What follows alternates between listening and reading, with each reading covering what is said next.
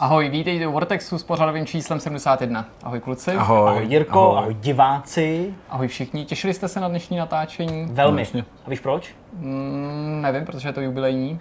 Uh, hele, to je sranda. Ne, Ale je. těšil jsem se na to, uh, že to budeme točit, protože budu jako už svědomím, že je čtvrtek, že máme za sebou hell Já jsem si to trochu myslel. a že prostě můžu být úplně v klidu a jenom si A hlavně je dneska den svatého Valentína a my se spolu nebudeme muckat tady a žádný objímání nebude. Ne. Až na konci. Až, Až se na, kamery vypnou. Až na konci. Ale budeme si podívat To je samozřejmě hezký, že trávíme ten Valentín takhle spolu. Spolu. Kluci, vy se mě v podstatě, vám si líto, že já jsem tady sám, vy jste už všichni zadaný, takže, Já myslím, že to tohle je takový je intervention v podstatě pro nej, mě. Já už nejlíp to vidím, no. ilustruje tu skutečnost, že spolu trávíme skutečně velké množství času. Takže s víc jinam by si chtěl partnerkami asi. Strávit že, tenhle ten svátek lásky, ačkoliv to není první máj, tak tenhle ten komerční svátek lásky, ne ten druhý To svátek bost. lásky. Fantastický je, jako já jsem říkal uh, ve streamu, pro vás teda dávno, dávno stream Far Cry New Dawn s Petrem, který byl teda jako fakt super, ale uh, já jsem říkal, my vlastně slavíme jako smrt toho člověka. No, no. Takový To je takový jako morbidní, ne? Trochu. No já nevím, no, vždycky na to pohlížím takhle a vždycky se vrátím zpátky. Tak to nesláv. Tak já, já to neslavím, protože abych teda byl moderní, teďka se to říká jako vždycky máj. Jo, takhle. Prosím, No, že ne. dobrá. Eh, Prosím, ne. I dneska nás čekají zajímavý témata. Kluci, o čem si budeme povídat a možná poprosím tebe, Zdeňku, aby si nás nejdřív a naše diváky nalákal na rozhovor. Koho jsme vyspovídali? Přesně tak. Uh, no, vyspovídali. On tentokrát, uh, to musíme říkat v jednotném čísle, protože vlastně pravda. jsme měli takovou speciální premiéru. Jirka sám vyspovídal hned dva lidi a těmi lidmi jsou eh, dobří lidé z Atu Games, tedy Lukáš Navrátil a Eva Balíková. No a povídali jsme samozřejmě o jejich hře Feudal Alloy, kterou jsme hráli, streamovali, recenzovali. A teď jsme se prostě bavili o tom, jak vznikala, bavili jsme se o tom, eh, za jakých okolností, kdo co vlastně na té hře dělal, jak to teď s tou hrou vypadá, jaký jsou plány, takže všechno se takhle točilo uh, kolem téhle hry a bylo to docela zajímavý povídání, nejenom teda v tom ohledu, že to byl takový ten, jak se říká novinářskou hantýrkou rozhovor, jeden na dva. Ale byl to tedy nebezpečný precedent, že? protože doteďka jsme vlastně každému, kdo se sem pokoušel uh, přijít ve dvou, tak jsme od toho zrazovali, o to nápořili jsme, hele, my, my, my spovídáme vždycky ve dvou. Bohužel musíte si vybrat ten nebo ten a tady jako vlastně jsme jako rádi podlehli a rádi jsme se nechali přesvědčit, že bude tentokrát Když takhle když dáme přišlo- prostor oběma přišlo celý studio. celému studiu. Celý studio přišlo. to To se ještě nikdy nestalo.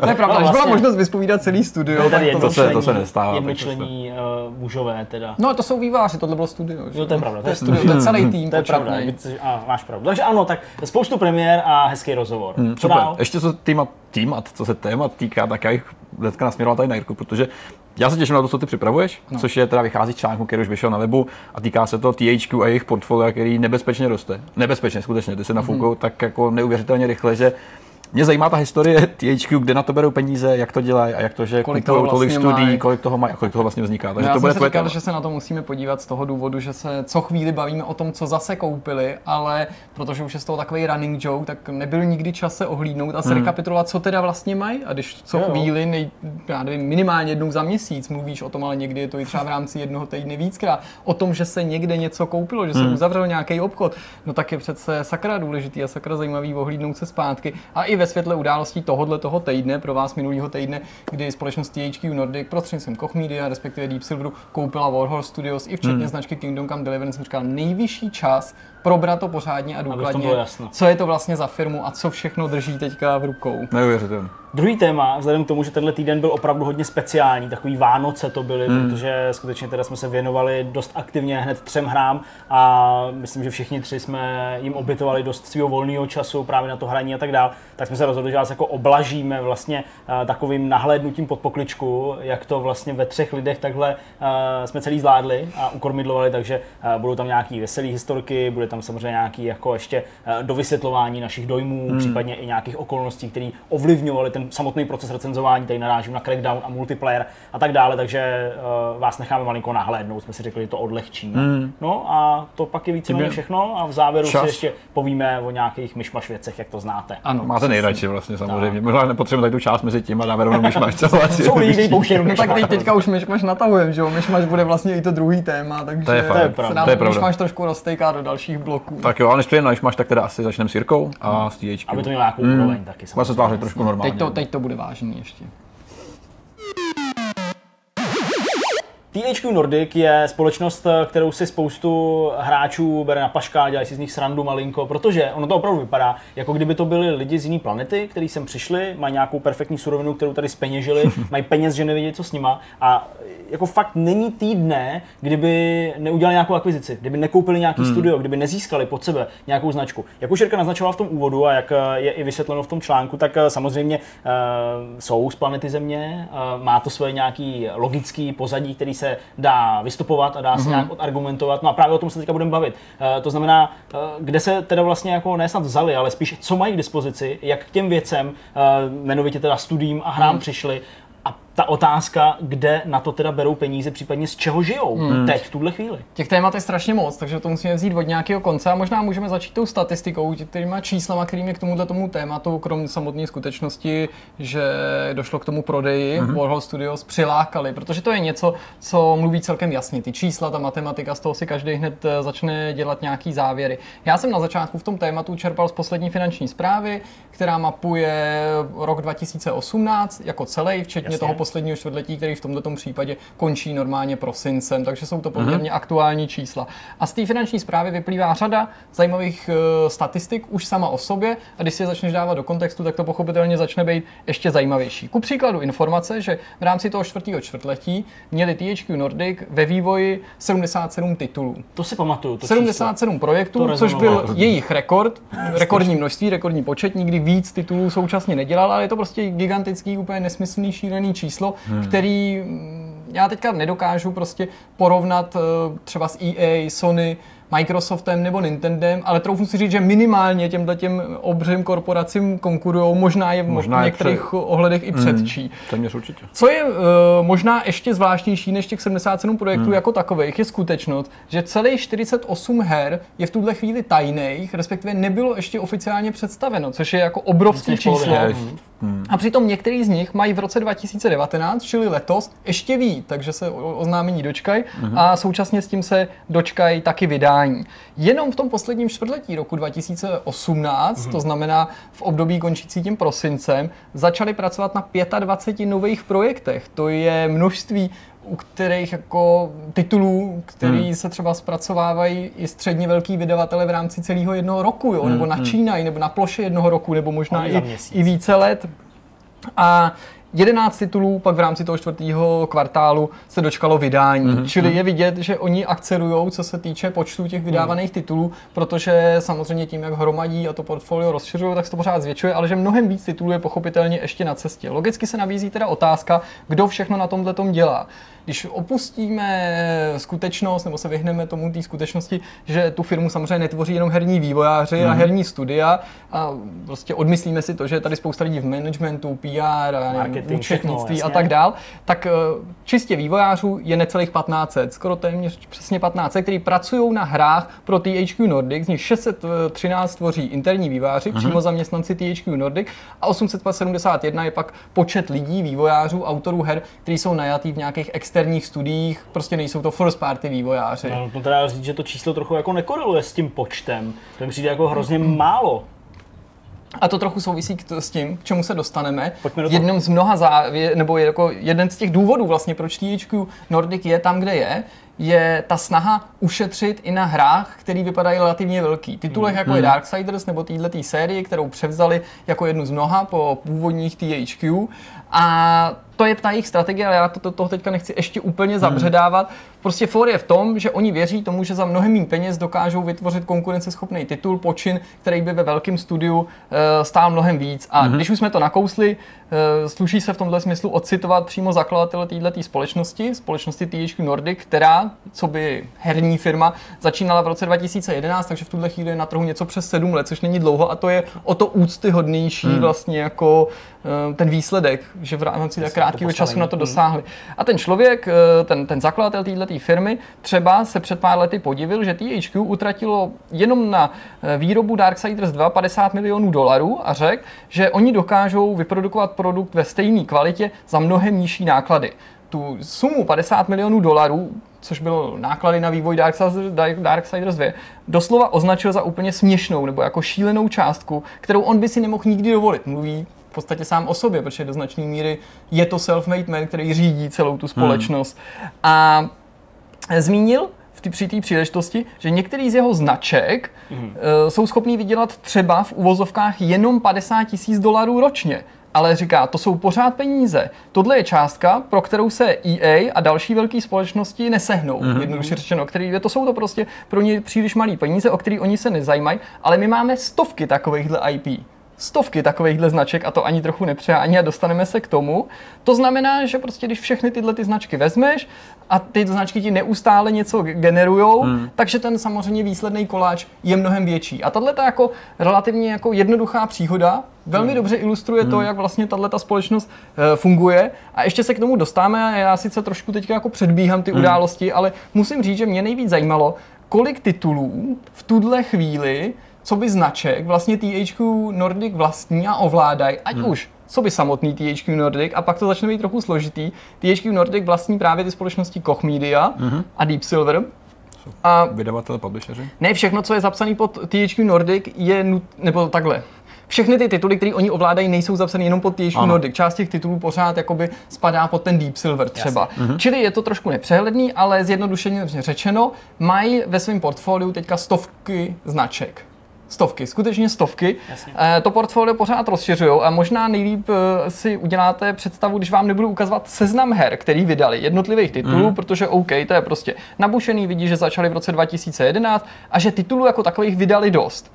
Ale ta tabulka není zrovna nekonečná, jo? Mm-hmm. Jako je to takový nějaký, že si v tom dokážeš udělat. Zase tohle to dává docela smysl. Když se ale podíváš na seznam akvizic, a teď se bavíme o akvizicích THQ Nordic, mm-hmm. nikoli teda Kochu a Deep Silveru, který ten samotný THQ Nordic posléze pohltil, že? což mm-hmm. je mhm. samozřejmě důležitý, ale to se stalo až časem. Seznám, tak vidíš, že ty akvizice začínají v roce 2011 jednou úplně gigantickou akvizicí, respektive několika, kdy vytěžili Jowood, Dreamcatcher Interactive, The Adventure Company, a THQ posléze v roce 2013, to původní samozřejmě, to byla americká společnost, která s touhletou novou vlastně nemá nic společného mm, ve smyslu vlastníků, ale posléze získali i to jméno po těch značkách, dostaneme se k tomu taky za jakých okolností.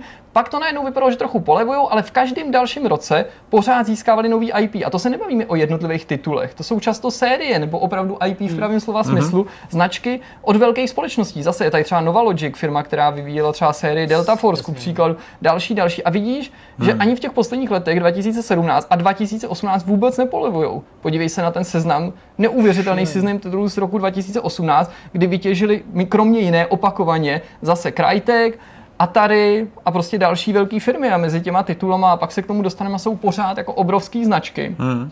Já se vrátím zpátky k tomu tématu mýmu, aby jsme vlastně mohli jako pokračovat. Nutný je říct, a teď už jsme se k tomu dostali, že Oni začali tím, že prostě skupovali ty malé ryby. Mm-hmm. A do určitý míry je to pořád jejich strategie, mm-hmm. nebo část té strategie.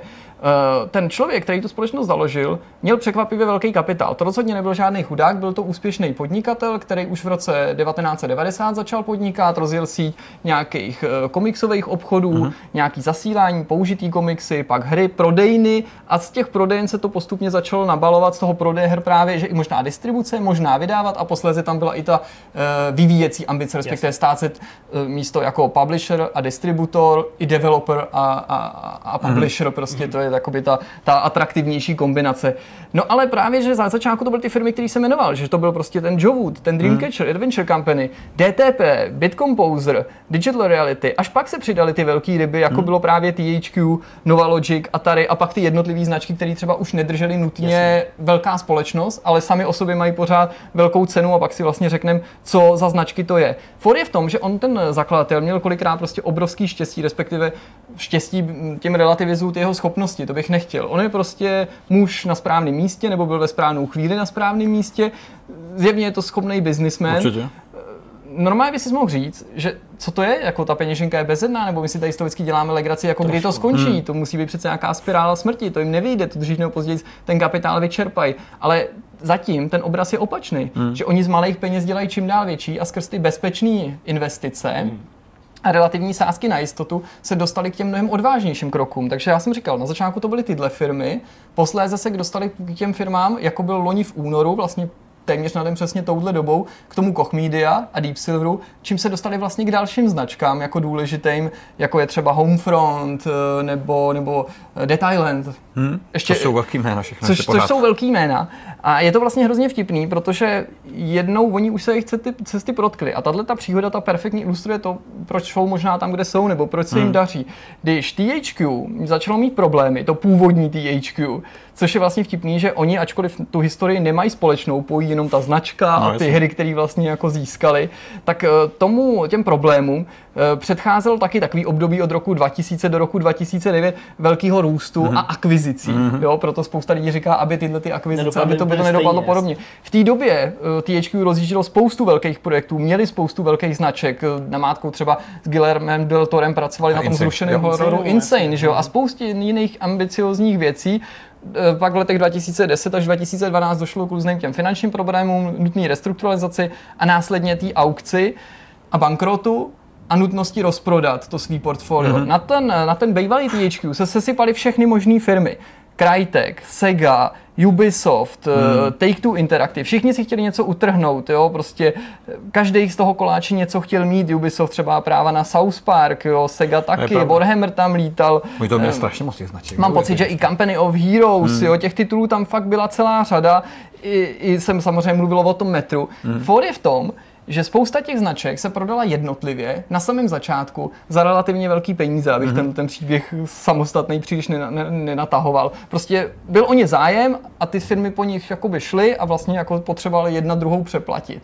Až se to dostalo do stavu, kdy ty, nejza, ty nejdůležitější značky byly pryč, už nebyly k mání a o ten zbytek nebyl žádný zájem. Mm-hmm. Pak přišel zakladatel společnosti Nordic, který ta společnost se pořád tehdy Nordic jmenovala. To byl rok 2013 a on za necelých 5 milionů dolarů koupil veškerý ten zbytek.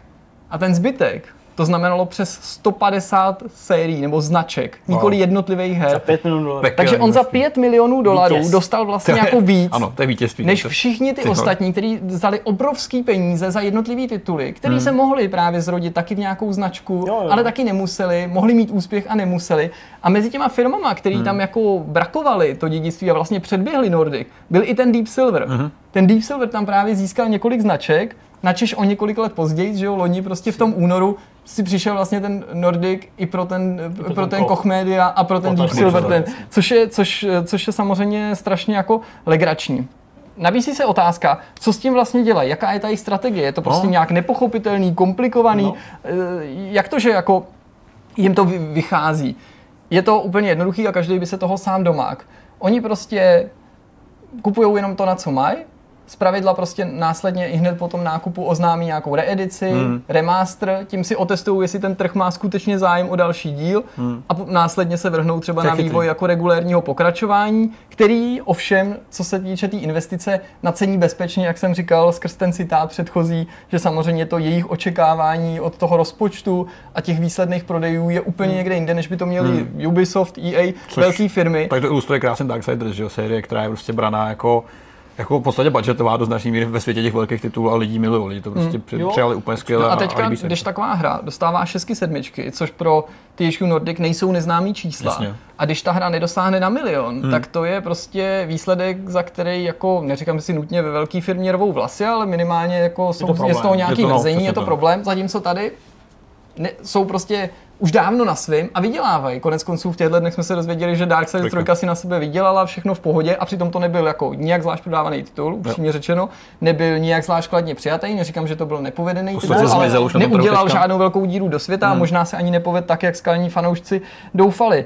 E, samozřejmě, několikrát jsme tady zmínili ten nákup toho, toho Koch Media, takže i bych měl jenom zmínit vlastně, že skrz ten Koch se dostali i ke studiím, jako je Volition, yes, uh, Fish Labs Entertainment, což jsou autoři mobilních her, Dembaster mm-hmm. Studios, a to jsou pak konkrétně i ty tituly jako Dead Island, Galaxy on Fire, což je právě o těch Fish Labs, Homefront, Metro, Risen, Saints Row, Secret Files a spousta další. No a když jsem to na, načal, tak vlastně musím vám eh, říct, že udělat tady seznám prostě 200 nebo 300 titulů, který no. oni jako uh, ovládají, co by značek, je prostě šílený. Jasně. Takže já jsem třeba do toho článku jich pár vybral A potom je to dobře ilustruje to, jak eh, přes ty malé ryby, které na začátku vypadaly nenápadně právě, když jako brakovali Joe Wood, Dreamcatcher, hmm, tak to hmm. prostě nikoho asi neznervozňovalo. Hmm. Se dostali k těm lepším, lepším, lepším a teďka kolikrát za asi některak jako skandální peníze jsou schopní pořídit značky, které jsou vyčerpané. Já nevím, jak bych to jako jinak eh, označil, ale že jsou to prostě hry, které hmm. jsou kolikrát jako slavný, fakt úspěšný,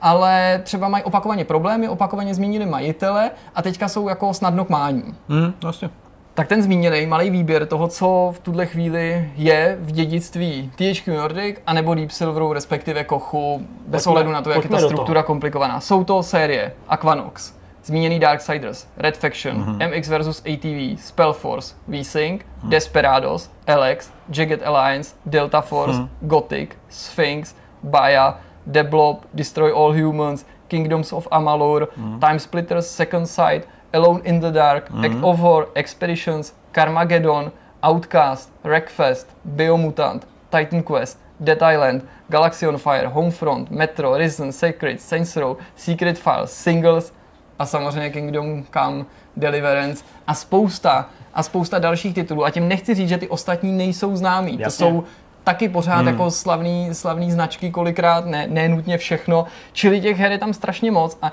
je to i docela zajímavá pozice, jak ten THQ Nordic vlastně funguje, protože někdo by to mohl interpretovat tak, že oni jsou jako nějaký supové, prostě jako mrchožrouti, prostě predátoři, který jako vyčúraně číhají, až ten vývojář nebo vydavatel bude mít problémy a pak potom skočí a jak jsem to už jako naznačoval předtím, oni fakt jako mi přijde, že neberou tu věc, která se jako někde jenom tak objeví, ale to no, jsou často jako recyklované věci. Hry, které třeba jejich práva vlastnili na třeba původní výváři, hry XY, mm-hmm. pak se přesunuli k vydavateli, pak třeba vydavatele změnili, pak se ty práva přesunuli třeba zpátky k původním vývářům, kteří měli jako ambici přes Kickstarter něco udělat, ale ten Outcast, přesně tenhle ten případ, a vy finančně se vyčerpali a pak přijde ten THQ Nordic a kupuje hmm. to. Ale oni nejsou sub, podle mě. Já jsem to v tom textu tak trochu přirovnal prostě k této zvířecí říši, že jsou možná spíš žralok.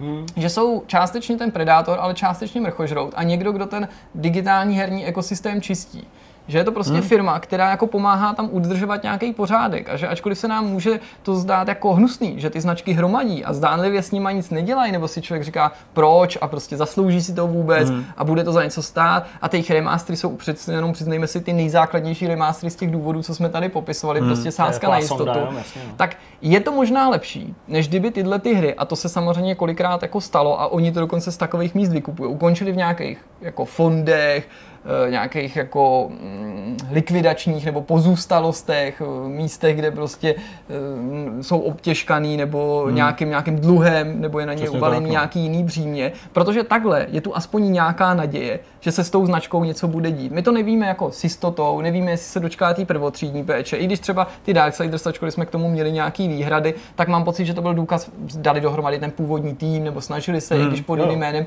že když se tím to osvědčí, speciálně u toho remasteru nebo remakeu, že se tomu snaží dát šanci. A opakovaně o těch starších hrách mluví, i když to kolikrát trvá třeba celý roky, jako je ta série Destroy All Humans. Takže hmm. já věřím, že to nedělá jenom proto, aby se napakovali, když to je samozřejmě jeden z těch důvodů, ale že skutečně je tam ambice a zájem ty hry udržovat při životě. A to je fakt furt lepší, než kdyby prostě si je předávali jenom nějaký společnosti, které vlastně nejsou v tom herním biznesu aktivní a nemají a zájem ty hry dělat. Spoustu značek vlastně lidi nebo původní třeba součástí těch firm, které je nepoužívají, který nemají zájem uh, s tím cokoliv dál dělat, takže je prostě mají, hmm. ale někde hníjou na pozadí.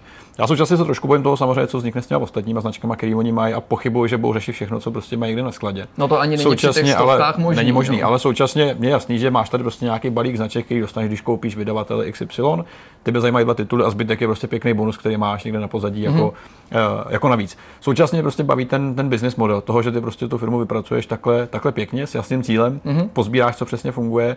Uh, jaký byl ten samotný začátek? Asi tam musela být nějaká investice, protože ty, ty, ty samotné náklady na to všechno. No on na začátku vydělal peníze jako Tím, že měl svoje věci vývoj, samozřejmě, ale vydávání, že to, to v tom byly ty prodejny a mimochodem teda jako pokud do toho chceme aspoň trochu jako malinko zabřednout, ale nikterak jako složitě. Mm-hmm. On mhm. třeba v jednu chvíli ved poměrně úspěšnou jako síť, vlastně jako uh, prodejen herní, kterou prodal nějakému britskému prodejci, který se jmenuje Gameplay a podle informací na Wikipedii tehdy Nordic za tuhle tu transakci získali uh, skoro 6 milionů liber hmm. nějak jako podíl v té To je společnosti. krát 40 cca asi. Zhruba tou dobou. Zajímavější ovšem je, že pak splaskla dotcom bublina Mhm. a ten člověk, ten zakladatel, ten Wingerforce, se zpátky dostal vlastně k té svý odprodané síti za jednu švédskou korunu. Wow.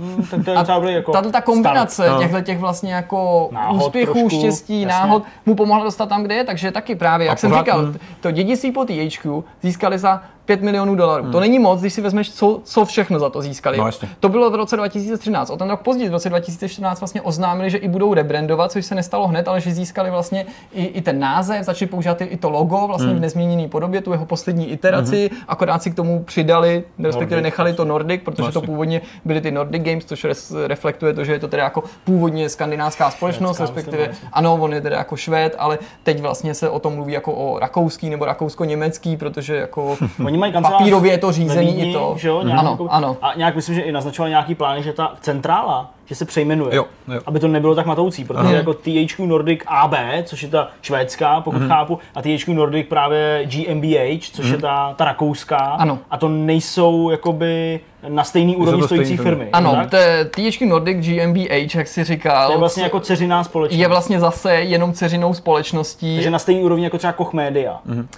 ano, až na to, že celý Koch spadá pod eh, THQ Nordic a pod Koch zase pak spadá Deep Silver. To jo, ale jakoby eh, THQ Nordic rakouský je na stejný úrovni jako Koch Media, protože nad ním je THQ Nordic ne, AB. ne, ne, ne, Je to tak, že THQ Nordic GmbH, eh, G, GmbH. jasně, tak uh, ten je, eh, ten, Ano. ne, ten švédský nejvejš, to ABčko, jo. pak je ten uh, GmbH, A až pod ním je Koch. Ano. Aha, já myslím, Ok. že jsou A dceřiný pod. Kochem je Deep Silver a vedle Deep Silveru, ale pod Kochem jsou teďka Warhorse. Aspoň podle té tabulky, kterou jsem měl možnost vidět Jasně, teďka já, ale tam možná bude docházet k nějakým pohybům, protože i teďka je to trochu nepřehledná ta přejmenovat, to je, situace. si myslím, právě i když lovíš třeba, který ty značky spadají pod THQ Nordic, ale vlastně je vlastně nějaká z Jo. těch dceřiných společností, tak musíš koukat i na ty značky toho Kochu nebo toho Deep Silveru, protože oni ty IP, aspoň tady z hlediska těch tabulek, nepřesunuli všechny, jako že tím vlastníkem, tím hlavním je THQ Nordic, ačkoliv ten samozřejmě v té hierarchii stojí největš. A chtěl jsem jenom jakoby doplnit, jak jsem říkal, 5 mega, prostě rok 2013, Jasně. to není prostě strašidelná investice, ale v tom loňském roce to už bylo za ten právě nákup toho zmíněného kochu 121 milionů eur. Hmm, to je, Což už je to jako je obrovská To je částka, to svědčí o tom, že prostě rozdíl. oni ty peníze mají, ten kapitál, a že jako ty ambice tam pořád jsou a že jsou větší a že rostou a že zatím se někdo si možná říká, že těm ty peníze musí už docházet nebo co ještě chtějí koupit, takže možná jako budou mít ambici růst ještě výš a jakože už teď je zřejmé, že se chtějí stát největší, možná největší v podstatě už jsou objemem těch IPček, ale i co mm, aktivit a já nevím, obratu eh, vydavatelem na evropském kontinentu a že budou chtít pohltit potenciálně další firmy a najednou si vezmeš, jaký roky si tady třeba dlouhý buduje Fo- Focus Home pozici, mnohem úspěšnější než právě firmy typu Jowood a tak dál. Pak se objeví A pak se tady objeví takováhle No, firma, která nacházíme. klidně může spolknout i s Big Benem Jo, dohromady. Neříkám, že se to stane, jo, ale, že Ale- prostě skutečně jasně. nám tady potenciálně roste další velká jako Hmm. vydavatelská společnost, která přitom má vlastní first party studia a těch je celá řada, jo. Celá řada. šílený. No, je to jako docela složitý teda proces, eh, nicméně super, že s nás mohl jít dovnitř. Já bych ale ještě úplně neuzavíral Mhm. toto povídání o THQ Nordic, protože ta iniciace toho, proč se o tom bavíme, to tady zazněla v úvodu, to znamená, Jasně. že samozřejmě jsme nepřehlídli společně s váma, že si eh, THQ Nordic eh, posvítili a zároveň následně poté tedy získali ze 100% Warhorse český, tak dá se aspoň předjímat, protože lidi jsou takový dost jako na vážkách, co si vlastně o tom mají myslet, eh, ve smyslu nějaký ztráty té eh, vlastní svobody, Jasně. ať už eh, je to jako svoboda chápaná zejména teda kreativně, nebo prostě, dá se vůbec jako předjímat, jak k tomu se oni stavějí?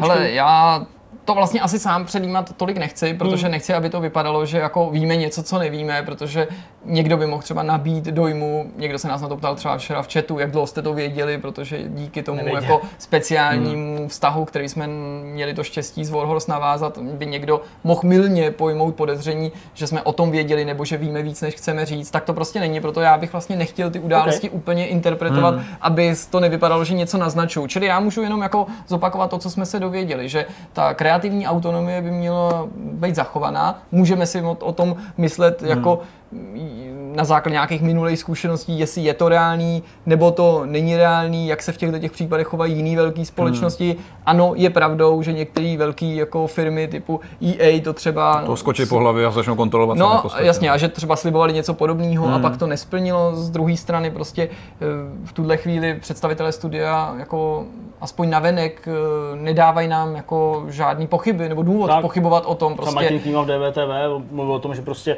ta svoboda je zachovaná i pro případ prostě nějakého pokračování hmm. Kingdom Come a že prostě lidi zůstávají na svých místech, tak, i no. zakladatelé studia, kromě Martina Klímy samozřejmě Dan Vávra, dál budou pracovat na tom, na čem pracovali. Eh, zůstává i vedení ve smyslu Martin Flívalský a, a ten management jako takový, že je hmm. zachovaný, což je podle mě taky pochopitelně Stejně tak ještě studia, které jsou takhle už vlastně zaběhlí a fungují, tak se nekupují na základě uh, té zkušenosti, která už uběhla, což je vydání Kingdom Come, ale plánu do budoucna. Hmm. Nikdo si nekoupí studio, který nemá žádný plány, takže mi nemá s tím taky počítají, asi to hraje no. A ani by nedávalo pochopitelně smysl, aby je nutili dělat něco jiného, než ale... to, v čem jsou jako zjevně dobrý. Ale já zase nechci, aby někdo nám pak jako třeba vyčet, jako vy jste naivní a za dva roky se třeba ukáže, že se na tom něco to změní, nebo může, že se to jasně. personálně hmm. obmění, ať už uh, impulzem od majitele, anebo hmm. naopak, že ty jo. lidi, kteří tam pracují teďka z nějakého důvodu, budou chtít změnu. A to, to já nechci přijít. Ano, to se samozřejmě jako může hmm. stát, já to nevylučuju, to jako uh, jsou tady případy lidí jako Peter Moliné ne, nebo, nebo Zampela, který jako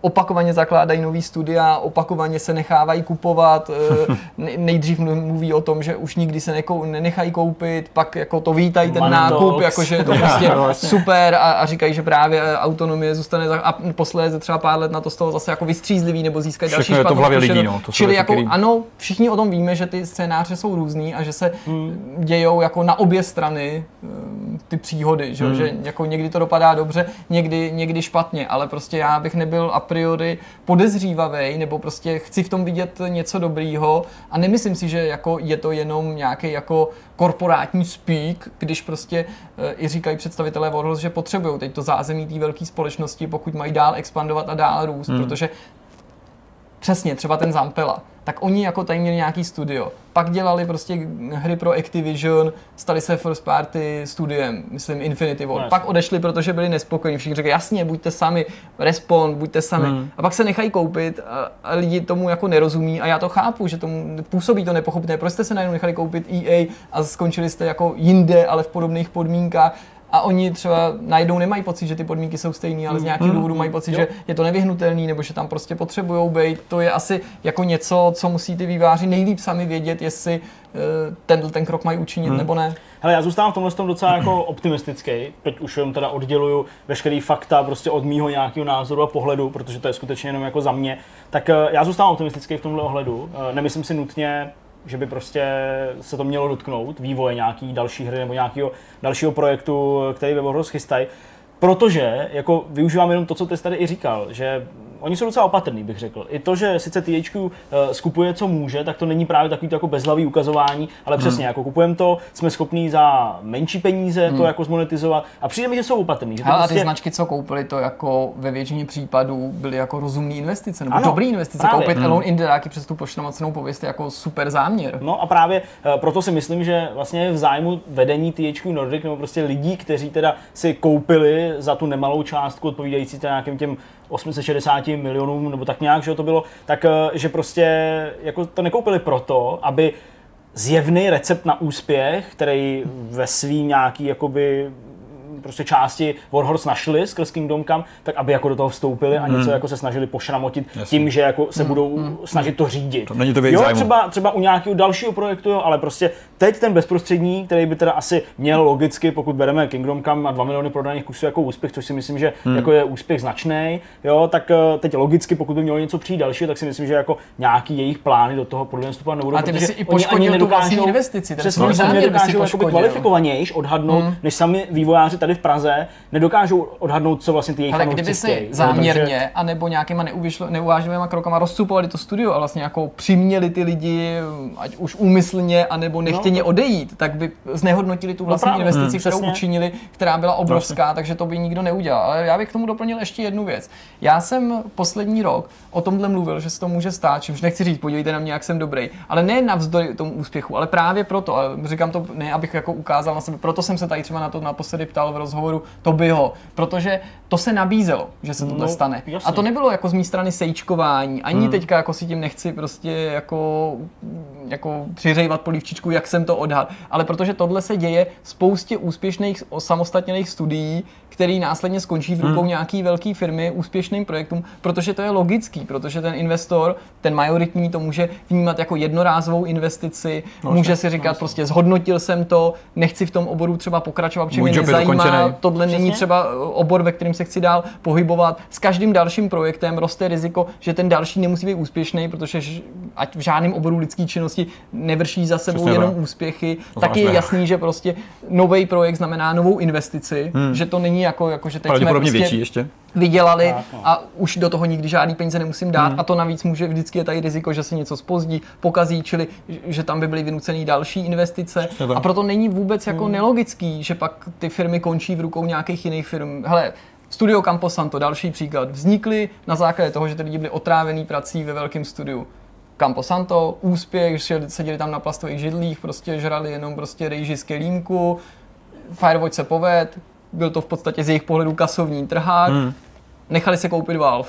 Proč? No prostě protože to pro ty lidi dávalo smysl Hmm. a protože i když se to může jevit nelogicky, že přijdou o tu svobodu, kterou jim z druhé strany zase tady Valve v tomto případě slibovali zachovat a je otázka, do jaký míry si tohle můžeš pojistit, of the Gods, tak oni si asi řekli, že to riziko za to stojí, protože to, co získají, tak ty výhody možná převyšují ty potenciální rizika nebo ty nedostatky toho, že teda třeba nemůžeš tolik rozhodovat o svém osudu sám, ale přiznejme si, že i tohle byla firma, kterou vlastnil někdo mimo herní biznis, čili jako taky neměli 100% autonomii hmm. Warhorse jako takový, nebo tím nechci říct, že byli No nějakém klinči, ale prostě to taky nebylo jako studio, který Vždycky prostě zohledňuješ ještě nějakou dělá stranu. jenom samo na sebe. že Jasně, jo. tak to je. No. Samozřejmě to riziko pak tady ještě pořád platí i pro THQ Nordic jako takové, že oni nakoupili spoustu věcí, to zhodnocení ještě teprve přijde, takže oni možná nic nestratí, protože ty peníze jim očividně nechybějí, ale samozřejmě pokud si zaplatil za něco, co nefunguje, nevydělává, tak je to hospodářský fail. No a na konci míry. to prostě bude červený číslo. Ale konec to bude červený číslo. Ale samozřejmě neznamená, že je fatální pro celý ten šílený konglomerát, který tam vzniknul.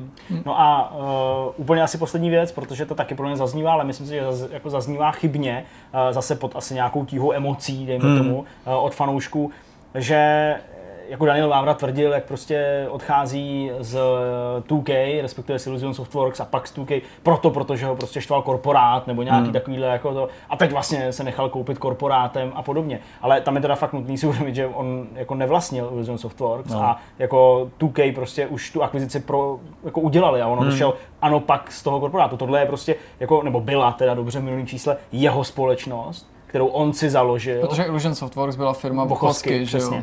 Uh, on si ji založil společně s Martinem Klímou samozřejmě, že jo, a pak teda sehnali ty peníze od uh, Zdenka Bakaly, ale prostě jako já to vlastně docela chápu. Já to, já to chápu, protože eh, když eh, uděláte něco, co je úspěšný, funguje to, potřebujete to zázemí, někoho seženete, někdo má o to zájem, tak jako eh, to není jenom ten zájem, jako ve smyslu toho, že teďka seš si jistý, že prostě máš nad sebou někoho, hmm. kdo, kdo se postará v případě nějaký nouze, podrží tu firmu, nebudeš muset oblíkat, jak, jak Dan rád říká, svůj nejlepší svetr a znova někam chodit prosit o, hmm. o nějaký další peníze, protože ten Bakala teoreticky ano, může z toho vycouvat proto, protože prostě to pro něj byla jednorázová akce a tak dál. Ale jako logicky, lidsky, jako jsou to i ty peníze. Ale Prostě jako- on má úspěšný produkt, který dokázal jako zmonetizovat a i on sám je jo, pokud to samozřejmě ty propočty a tak dále, to je jenom hrubý nějaký odhad, ale prostě reálně za to samozřejmě nějaký peníze dostal, tak jako, který hádám třeba bude dál investovat, to je jeho věc, ale prostě jako i tohle tam podle mě musí hrát nějakou roli. Ale Samozřejmě. já jako rozumím tomu, že to třeba lidem neštimuje, nebo že se jim to zdá nepochopitelné, že z nějakého hlediska to nepochopitelný je, protože ano, ty se určitý autonomie, určitý svobody vzdáš a možná jako někomu přijde, že strčíš hlavu zase do té oprátky, ze který se předtím vyvlíknul. Ale tady je to skutečně spíš o tom, že ačkoliv nechci nějak, aby to znělo, že relativizujeme úspěch Kingdom Come, tak je potřeba se zkusit zamyslet nad tím, jestli ten objem těch financí, který získali po splacení naopak nějakého dluhu nebo nějaký investice, která do tý, během těch let do té firmy šla, jestli to bylo dost na to, aby si v horizontu dalších třech nebo čtyř let vyprodukoval další hru typu Kingdom Come. A teď si ještě vezměme, že nikdo neočekává, že uděláš stejnou hru. Všichni očekávají, že uděláš větší a lepší, jasně. pokud v tom Hmm. biznesu chceš uspět. no. A tady je spousta studií podobných, nezávislých, týmů typu uh, Warhorse, který bych neoznačil za malý, ale není to jako ani gigantický, gigantická superkorporace, která si tu autonomii chtěla udržet. Hmm. A podle mě nikdy se nevybředli z toho, v čem možná nechtěli být Warhol zaseklý, z toho, že jdeš jako z ruky do huby, od projektu k projektu, že prostě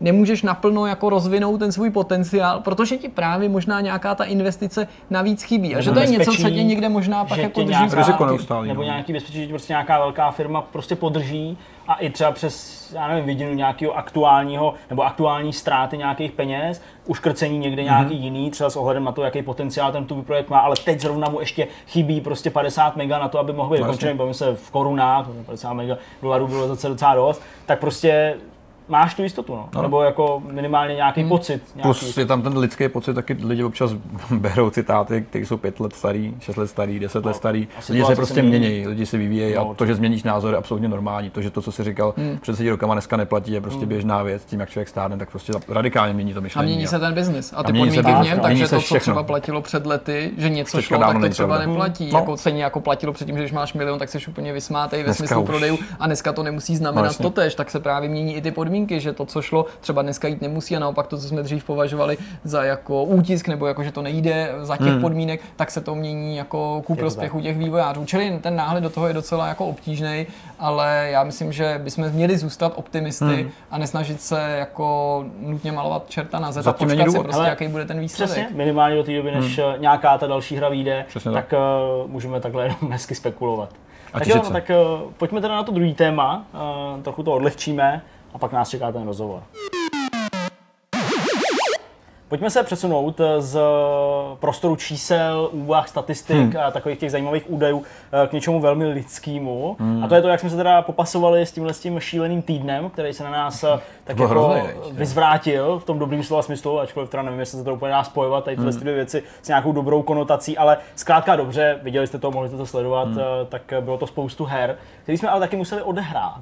A to jako vzhledem k tomu, že když člověk je jako v práci a teď jako dělá takovou tu každodenní agendu, ať už mi tady za, jakoby hmm. za, za Vortex prostě články a videa, které vychází a tak dále. Normálně děláte a, málo her a, a Petr, a Petr, který samozřejmě uh, je zase na té druhé straně barikády, hry vyvíjí a taky se tomu věnuje a, a řídí pracuju, týmy přes. a takovéhle věci. Tak uh, Petře, kdy jsi dostal k tomu hraní vůbec toho Far Cry? Bylo to Ale jako fakt po nocích takový to, co jako bylo to si lidi myslej? jako za starých časů, ještě, když, když jsem ještě dojížděl, když jsem dojížděl, monitor, mm, když jsem dojížděl do Prahy ještě, když si do levelu hrát hry, jenom jako na otočku, jsem prostě přijel vždycky ze severu z Vansdorfu, ještě jsem do Mánička tehdy prašivá, tak jsem přijel že, a na otočku dohrával Dead Space a Dishonored a podobný, napsal recenzi a vypad. Bylo to takový zajímavý čas. Párkrát no. načapal s Kristýnou, Občas... nebo načapal, jako, že jsem tam přišel jenom něco, jako já nevím, vzít, nebo jsem něco a, zapomněl a, a, on tam chudák, prostě jako, říkal, jak jsi tady dlouho, nebo co tady děláš, že tady tady potkali, má tady recenzu.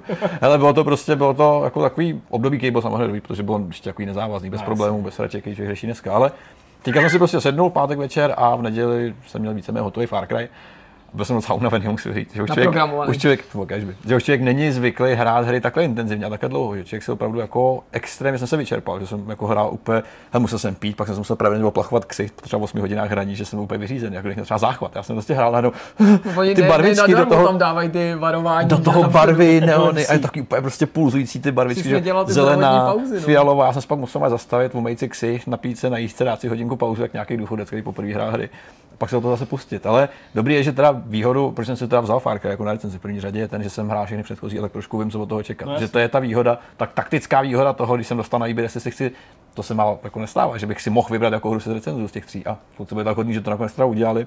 Já samozřejmě chytře jsem věděl, že všechny Far Cry jsou stejný, protože taková je smutná realita, že všichni víme, že když vychází Far Cry, že víme, jaký bude. A že už jsem si vlastně recenzi psal dlouhou dobu předtím, než jsem vůbec začal hrát, protože jsem přesně věděl, jak to dopadne. Profík. Koukal jsem se obal, růžová, jasně, RPG prvky, jasně, a bylo to hotový. Ne, já skutečně tady to je jako velmi napomocný. Jako nepustil bych se do Crackdownu, který je pro mě nový. Já jsem třeba Crackdown nehrál. Tady hmm. Jirka, Jirka to z nás očividně vyhrál, pokud jde o nějaký zážitek z hraní. Ten měl to nejmenší zlo, podle taky všeho. Nám to, taky nám to celý týden A dával nám to najevo. Zahráli jsme si, že jo, první díl a pak recenze novýho. No, no, no ale to, se vlastně nezaměníte to s tím, že bych tvrdil, že Crackdown je z těch her nej, ta nejlepší, hmm. protože to jsou dvě odlišné roviny. Jedna věc hmm. je, jaký hodnocení tomu dáš a ty, ačkoliv dáš tomu nějakou jako subjektivní známku, tak se snažíš být samozřejmě nestraný nebo nezaujatý tak, tak nejvíc, jak to eh, jde. A možná i já, kdybych, ale to si netroufnu hádat, možná bych jako obě vaše hry třeba i hodnotil výš, mm. ale s čím jsem si skoro jistý, že bez ohledu na to, jakou bych vašim hrám dal jako známku, že s tím crackdownem bych se víc bavil. A to byl ten důvod, hmm. proč jsem po něm sáhnul. Z podobných vlastně důvodů jako ty. Samozřejmě jsem ty předchozí dva díly moc dobře znal. Hmm. Dvojka nebyla nic moc, ale jedničku jsem miloval, je to prostě skvělý titul. A věděl jsem, že do čeho jdu. Lákalo mě samozřejmě být taky konfrontovaný s tím případným neúspěchem po těch mnoha no, letech. Očekával jsem vlastně jako neúspěch víceméně, takže jsem byl psychicky připravený na to, že to nebude dobrý. Nežavil jsem nějakou jako velkou naději, že to hmm. bude super. A počítal jsem i s tím, že to bude tak třeba nepovedený, že i ty důvody, pro který o té hře sahám, opadnou a nebude mě to bavit. Ale doufal jsem, a to se potvrdilo, že i kdyby to tak dobrý nakonec nebylo, jak jsem doufal, kdyby to bylo jenom prostě lehce nadprůměrný, hmm. že se mi to bude líbit, no, že jasně. se u toho budu bavit víc než u těch vašich dvou titulů. U těch vašich jako, dvou, těch vašich blbých her? že jsou, ne, vůbec ne, já možná jako, možná bych se i, těch vašich možná bych jako jim přišel i, i, i, na chuť a možná bych se u nich víc jasně. bavil, ale nevím, jak to máte vy, nevím, jak to máte vy dva, ale myslím, že to má i hráči podobný. Z nějakého důvodu, kolikrát instinktivně vytušíte, že vás ten titul bude bavit, hmm. nebo že vás zajímá, nebo že k němu po máte době už to takový cítíš nějak, A přitom to oddělujete od toho, že i třeba jako ještě než ho hrajete, předpokládáte, že nebude nutně jako dobrý, hmm. nebude to něco, na co hmm. budete vzpomínat, ale při představě, že to hrajete, si tak jako říkáte, to bude jako nejlepší. Ah. A mimochodem, to mý bylo i bezpečná sázka z toho důvodu, že já jsem věděl, že nejvíc budu moc vypnout, že, že se budeme vracet pozdě domů, že budeme jako unavený, že toho budeme hmm. mít jako hodně a já jsem věděl, že ta moje Jsi věc na mě bude klást jako nejmenší nároky, pokud jde o nějaký soustředění, že třeba hmm. jako nebudu muset prostě soustředit na žádný příběh, že tam žádný nebude, jo? nebo že budu muset jako že tam nebude, že ta hra nebude vlastně jako náročná v tom pravém slova Jasně. smyslu, že budu prostě jenom kropit, ne, to ono, no. že to bude relax, že i jako nejen co se týče té tý náročnosti, ale samotné skutečnosti, hmm. Eh, že si chceš odpočinout po dlouhým dnu v práci, takže u toho zase hmm. třeba bude odpočívat nejvíc, ale někdo jiný by mi třeba řekl, já si nejvíc odpočinu tady u prostě Splinter Cellu nebo, nebo Metal Gearu, který je náročný. Ale já jsem udělal takovou chybu, jak jsem takový zblblý idiot, který hraje open world hry tím, že procházíš každou blbost na té mapě. Tak tady jsem taky že začal, říkám, pojedu si tady jeden tábor, pozbírám, hledal jsem jeden prostě kitku, tam... blblej loot, asi jako 40 minut, říkám, to co děláš, pak si uvědomíš, že takhle to nikdy nedohraješ, protože tak říkám, aha, OK, tak musel jsem úplně změnit to, jak to hraju. Kdybych tady něco neprocházel celou tu mapu, tak dneska ještě nemáme recenzi, ještě budeme jako recenzovat dlouhou dobu. A člověk musel jako velmi rychle se sám zabrzdit, protože jak jsem myslím, že jsem vlastně nemocný, že jak máš na mapě ty bodíky, tak já musím každý projít, kouknout se všude, jestli tam něco není. A samozřejmě to není na recenzování úplně vhodný způsob hraní. Je potřebný si jako taky říct, že nemůžeš odehrát prostě všechno. Samozřejmě základ je nějaký příběh a taková ta příběhová kampaň, to prostě je trošku jako povinnost. Ne vždycky samozřejmě, ale Tady jsem se na dlouhou dobu zastavil, mi má 4 hodiny tím, že jsem probíral každou kravinu, která absolutně není podstatná.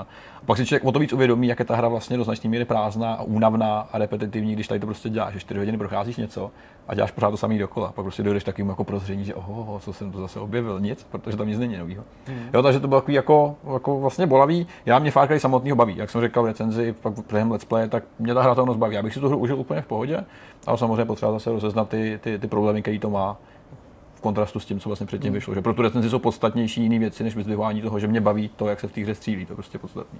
Nicméně Zdeňku... No hele, uh... Vlastně já ze začátku jsem... Jsi měl nejtěžší práci z nás, hele. To je, nevím, já jsem si to jako, hele, jako já jsem si tu hru taky užil, jo, protože jako znova bych se chtěl vrátit k té známce. Taky se k tomu měl nejlepší předpoklady, protože opravdu znáš tu sérii a Přesně. to, což bylo taky knihy, součást toho výběru, že jo. Jasně a tak dále, ale já jako těch 7 10 prostě pro mě znamená, že jsem to jako, jako užil do nějaké míry, byly tam pasáže, které byly fakt skvělý, které jsem jmenoval v té recenzi, to znamená nějaký jako podzemí a prostě tak dále. A byly tam samozřejmě věci, které mi vadily, ale teda musím vám fakt jako upřímně říct, kluci to vědějí a uh, vy se to velmi dozvíte možná poprvé, uh, je to, že já jsem jako, když jsem to spustil a když jsem si odehrál já nevím, prostě tu první část, když jsme odjeli z té Moskvy, to je to, co jste viděli na tom streamu, ale pak teda zejména to, to jakoby v tom levelu, který se jmenuje Volha, mm-hmm tak já jsem prostě jako byl šokovaný. Fakt hmm. jsem byl jako šokovaný. A to není slovo, kterým bych přeháněl, jak jako špatně to na mě působilo, ta hra. Hmm. Opravdu jo. A říkal jsem tady klukům, prostě já jsem, já jsem jenom viděl ty divný, zacyklený animace v těch dialozích, hmm. v těch, v těch rozhovorech a ačkoliv rozumím tomu, co se pak objevovalo po tou recenzí, všude možně na YouTube a na webu a tak dále, že jako třeba pro spoustu lidí to jako není důležitý a že prostě oni chtějí jako, jako tu hratelnost, že jako by to, to steltování mm. a prostě jako, já nevím, customizace těch zbraní a tu vlastní střelbu a tak dále. Prostě já vidím jako třetí díl hry, která stojí na příběhu knihy, hmm. kterou vlastně spolu píše spisovatel té knihy, ten příběh vidím jako úplně brutálně důležitou součást té hry v tomhle konkrétním případě. A prostě když jako tohle nefunguje, hmm. tak já jsem prostě vůbec nebyl schopný jako akceptovat tu hru, jako vůbec jako, jako A mě to přijde jako, jako respektovat. jako No, a to mi hrozně No, jako bránilo v tom vůbec ještě jako říct, vole, A to tak přece- hraj, to, hm, jo, a to bylo no a to přece náročný, ukazuje, ale jak jsou ty hry jako vlastně každá jiná nebo jako individuální v tom, že zatímco ty v tvých očích to tu hru stráží, ty nedostatky stran toho scénáře, Jasně. dialogu nebo příběhu, tak já zas takovýhle nárok jsem na ten Crackdown jako nikdy nemohl mít a proto jako mě mrzí, když lidi třeba někdy v komentářích tohle nejsou schopní pochopit. No to, to- že třeba každý z, každý z nás je jako individuum, který hodnotí tu hru samu za sebe. Když tomu dáváme nějakou známku jako Vortex, tak nikde nestojí, že když třeba ty si dal Petře Far Cry 6, že by tu šestku tomu dal i Petr a že bych tomu dal tu šestku Já já, někdo by třeba... ahoj. A nebo Jirka. Hele, někdo by to tomu dal, ale prostě Jasně, víme, kdo by to byl. No, chci ti říct, že jako To to, nikdy jako nej, no. není to číslo absolutní, stejně jako, že to není ta jediná známka, tak jako hodnotí po celém světě lidi, tak jako si to hodnotíte vy, tak to není snaha jako najít to správné číslo. To je přece jako vyjádření jako pocitů toho No, autora, hmm. tak jako když přijdeš z kina a řekneš, hele, ten film je takovej nebo makovej. A na ČSFD nikoho a podobných serverech nebo knižních databázích nepřekvapuje, že nějaký výrazně polarizující filmy nebo knížky obdrží jedna z pěti, anebo pět eh, hvězdiček z pěti hmm. a, že, a já věřím oběma těm lidem. Věřím tomu, kdo to hodnotí, jako že to je skvot, že se mu to líbilo hmm. a nemusí to být nutně jako, a ani nepřeznamená, že to je nějaký jednoduchý člověk, třeba se tady bavíme o nějakém naopak nějaký složitý láce, on ji ocenil a z druhé strany někdo ji nedokáže hmm. ocenit a zase ten, kdo ji hodnotí jako špatně, tak ten jeho názor není jako méně relevantní nebo není špatný hmm. a, a současně mu absolutně věřím, že se mu ta hra nelíbila a že to je jeho upřímný názor, protože verdikt, to hodnocení, to není správný a špatný. To je prostě Hmm. jako, tam není jedno, který se snažíme najít a Vyvarujme se i toho, a to je vlastně jako největší hrůza, co ty hry může potkat. A já jsem to jako říkal už několikrát při různých příležitostech, ale fakt mám z toho obavu, že když si ty čtenáři nebo diváci videorecenzí nebo obecně hráči chodí do těch recenzí, ať už jsou textový, videem nebo jakoukoliv jinou formou podaný, ověřit to, že to číslo v té recenzi se shoduje s jejich názorem, hmm. a nebo ještě hůř, nedej bože, s verdiktem předpokladem. Jo, průměrným takhle, aha. někde na Game Rankings nebo na Metakritiku. To je přece strašně špatně, protože ano, jsou tady hry, u nich se lidi vzácně shodují, typu Red Dead Redemption, že to je třeba povedený, ale i taková hra má jako někoho, kdo upřímně třeba věří tomu, že to není na 10 z 10, No ale já třeba tomu 7 z desítku 10. nedal, no. Ne, jako chci říct, a v pak jsou tady tituly jako Crackdown, Vlastně. ale i mnohý další, který třeba polarizují mnohem víc. A v tom No, je přece ta krása toho, že vlezu i na tyhle ty agregátory. Já nebudu proti těm agregátorům, ta jejich funkce je náhodou užitečná. A že vidím, že, tomu, že to dostává třeba známky v rozpětí od 3 z 10 do 7 nebo dokonce 8 z 10. Hmm. A pak proto je dobrý navštěvovat takový servery a číst recenze od těch lidí, který znáte. Ale ne nutně, že jim musíte věřit nebo že musíte mít váš názor ve shodě, ale kolikrát někteří naši čtenáři to říkají a mně se líbí, že o tom takhle uvažují, že třeba říkají, když si přečtu mm, nevím, Petrovu recenzi, tak vím, že to číslo prostě bude i pro mě platný, třeba který Petr udělí, protože máme stejný vkus. A nebo někdo řekne, ale je to pořád jako, že se tím může řídit, řekne, hele, já si přečtu Petrovu recenzi, Petr to ale hodnotil jako příliš nízko, Jemu se nelíbí tohle, tohle, tohle. To ale já mám tyhle ty věci rád a znám, že Petr třeba to, co se jemu líbí, mně se nelíbí Ano. a zase ten člověk si z toho udělá Jo. obrázek. Čili jako vždycky ta známka je platná, vždycky je správná, ji udělí kdokoliv a samozřejmě přitom, když víš, kdo Hmm. tu známku uděluje a ne, ne, neslyšíš o tom autorovi prvně v životě, o to lepší jako to obrázek si z toho Přesně samozřejmě dokážeš udělat. Hmm, Je to tak, no. Já prostě ano, já k tomu přistupuji taky takhle, uh, samozřejmě přemlouvat nebo jako někomu jako vysvětlovat, jak to je, uh, když má nějakou svoji vlastní pravdu, tak to asi Hmm. jako těžko, uh, těžko člověk udělá, ale fakt je ten, že prostě pak to metro se jako v mých očích vylepšilo v nějakých ohledech a proto prostě postupně ta, ta, ta známka, respektive dojem ten můj jako stoupal. A vtipný bylo, že já jsem točil samozřejmě spoustu těch záběrů eh, pomocí že jo, toho Nvidia Share, mm-hmm. nebo jak se jmenuje, GeForce Experience a prostě taková ta eh, funkce přes tu grafickou kartu, která je prostě super, že jo, eh, perfektní, perfektní záběry. A já jsem pak procházel ty videa, když jsem jel sem, abych to tady stříhal, že jo, v to, toho 14. nebo 13. vlastně, tak uh, jsem to procházel a říkám, Hergot, tady jsou všude taky jako, já nevím, prostě 8 giga, některý třeba 11 giga, 12 mm-hmm. giga, já koukám a říkám, ty vole, tady nějaký záznam 128 giga, co to jako je? Magic, vole. Tak jsem to rozklik, začíná to Třikrát prostě, duplikovaná hra. no, začíná to jako, ano, prostě v nějaký chvíli, kterou jsem chtěl začít natáčet. A říkám, tyhle, to má 7,5 hodiny, Ty krávo, ten záznam. Říkám, to není možné, jak jsem takhle jako jel prostě jo, s, tím, s, tou, s tou timelineou. A teď jsem jako dojel a, te, a teď koukám a najednou jako se jako děje, jako alt tab, ale prostě prohlížeč, Jo, koukal jsem se nějaký Jo, maily, video, prostě, 18. To bylo seznamka. žádný porno, kamaráde. To bylo to hodně budeme Ale prostě jako, jel jsem teď přesně nějaký takový, teď se jako obraz třeba na 25 minut zastavil, říkám, aha, dělal jsem si jídlo, pak se to zase rozjel, protože Netflix, Discovery, tak tam prostě kousek. Tak strašně to- předvídatelný. Pak jsem skončil, pak, pak najednou si člověk říká, aha, to jsem si dělal trochu pauzu od metra. A to je dost nebezpečný, Tady, tady máme Apex, tak to jsem hrál skoro Apex, nebezpečný. Tam- úplně z jiných her. tam čtyři, čtyři prostě zápasy v Apexu, pak zase nic, jo, pak zase metro, jo, hodinu, no prostě říkám, ty vado, tak to je fakt Tady, tady to je strašidelný, to 100 gigový file. Hele, já jsem teďka čistil třeba taky jako videa na, na PlayStation. Říkám, "Pš, ten disk zase zasviněný. A pak koukáš, tam prostě 250 giga záběrů. Tam to fakt že lítá, Člověk no. musí dát fakt jako pozor. Ale to, že, tě, že si natočíš takhle celou historii svého používání počítače za večer. super, jako. Ty vole, jako občas bych se bál podívat zpětě, co jsem tam měl za věci. Jo. Takže No, to jako děsivý taky trošičku. Jsem, taky jsem jako trochu jako váhal, jako jestli vůbec to podívat, no. ale uh, nebylo tam fakt explicitního, což mě samotného trochu teda překvapilo. Zklamalo, že bych si Malinko. repete, ještě jednou se to podívat znovu objevit to. A nejhorší bylo, že jako uh, to metro v tomhle tom sedmi a půl hodinovém záznamu, tak to metro tam jako tvořilo třeba 10%, 20%, to byl prostě jako ten největší můj struggle, kdy jsem jako to jako nechtěl hrát prostě a to taky občas prostě mám, asi kluci to mají taky, že jako někdy narazíš prostě na ten bod, že jako nechceš moc, ale uh, vtipný bylo, že tam byly nějaký dvě pasáže, já jsem tohle smazal, to jsem prostě jako vůbec celou nebral, říkám, já tam mám prostě spoustu jiných záběrů, tak mi chyběly, protože já vím, co to bylo i z záběry a vím, že jsem je chtěl do té recenze použít a vím, že mi chyběly, tak to jsem se trochu trál.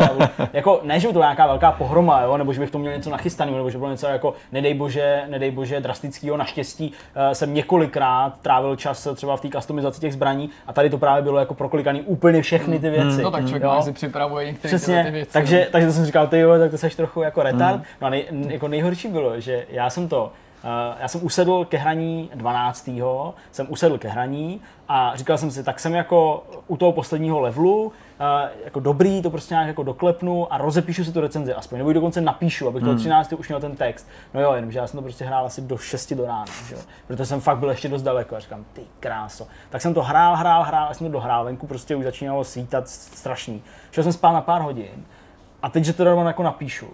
Crcal jsem se s tím strašně dlouho, hmm. nešlo mi to moc od ruky. A pak, když jsem teda konečně jako i skopíroval všechny ty věci a vyrazil jsem za Jirkou a už bylo docela kriticky, protože to byla středa, museli jsme dělat novinky, tohle jsem věděl, že musíme stříhat, chtěli jsme to všechno streamovat, hmm. to byl ten nejvíc hell den. Tak já jsem si sedl do toho metra, tady jako v Praze, Ikonický. a najednou z ničeho nic, jezdím na náměstí republiky, že jo, najednou z ničeho nic, Křižíkova. Pro, prosím, už jsem tady, jo. ty vole. takže jsem ještě přejel, ty, vole, protože jsem usnul v tom dokud metru. tě nebudí v depu, prostě tak vlastně úplně- dobrý. co Nebo jsem- paš To je ještě ochajtou tyčí, tak to je. Takže jako to bylo fakt šílený. Určitě no. kdyby se probudil v ruském metru, jako, že by se přesunul, přesunul do té.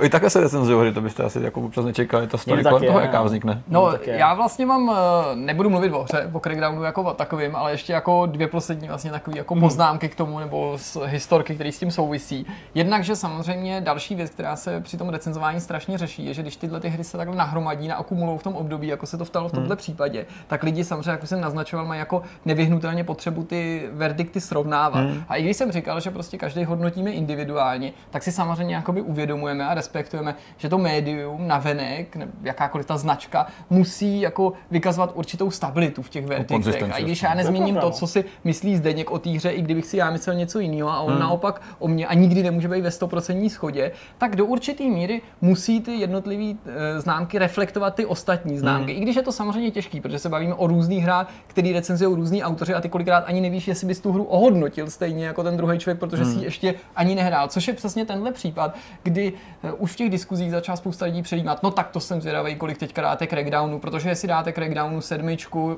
že třeba někdo se Jo, dovtípil toho, že by to třeba mohlo být sedm, tak to jako je skandál, přece to nemůže dostat stejně jako to metro. A teď já vlastně řeším víc věcí naraz. Já samozřejmě v hlavě mám nějaké známky, mezi kterými vybírám, tak jako Zdeněk, ale přitom nevím, jestli to metro by se mi líbilo víc hmm. nebo eh, nelíbilo, No, no, i kdybych to vlastně chtěl akcentovat a jestli bych s tím Zdeňkem byl v té schodě. A, a zároveň tomu chci tu známku udělit úplně, úplně svobodně. Přičemž teda jako v tomto případě myslím, že můžeme nahlídnout i nechat do toho procesu. Já jsem několikrát zmiňoval, že když váhám, takže jako obvykle sahám po té nižší hmm. známce. Zdeněk tentokrát váhal mezi sedmičkou a osmičkou, z těch důvodů, které byly důkladně rozebraný, hmm. se přiklonil hmm. k té nižší. Já asi budu postupovat stejně. Ten rozdíl je v tom, že já neváhám mezi sedmičkou a osmičkou, ale mezi šestkou a sedmičkou. Hmm. A vlastně v tuhle chvíli to upřímně řečeno ještě nevím, až protože, protože ještě pořád pořád za sebou nemáme důkladně prohraný ten, ten multiplayer, což k tomu se dostaneme, hmm. je jeden z důvodů, proč jsme vlastně tu recenzi nemohli vydat hned po embargu nebo s pádem toho embarga. Čili třeba i tomu tu sedmičku dám, no, ale vím, že budu nevyhnutelně čelit vlastně tomu tomu srovnání a kolikrát se tomu i my tady zasmějeme, protože podobný to bylo v situaci, kdy Zdeněk hodnotil právě Red Dead Redemption mm. a úplně stejnou známku pak dostal Return of the Obra Dinn a my jsme už jako předjímali no, ty dotazy, mhm. který jako budou, no jasně. Ortex, no, mm, jasný, dobrý. to, to, ale, mm, ale přitom jsem tomu jako 100% věřil a bylo to o to horší, že já jsem tam váhal taky mezi dvouma známkama, jako vždycky, a že jsem udělal tu nižší, takže to jednu chvíli vypadalo, že Obra dostane známku O tom jsme se tady bavili a plácali jsme se do stehen a smáli jsme se, jaký to bude sranda ale backslash. Tyhle. ona by to jako taková sranda pak nebyla, jako tomu čelit, ale zase z druhé strany, já, moje svědomí je čistý, já jsem tomu nedal tu nižší známku, aby jsme se tomuhle vyhli, prostě jsem nakonec hmm. jako uvěřil tomu, že to není... Uvěřil.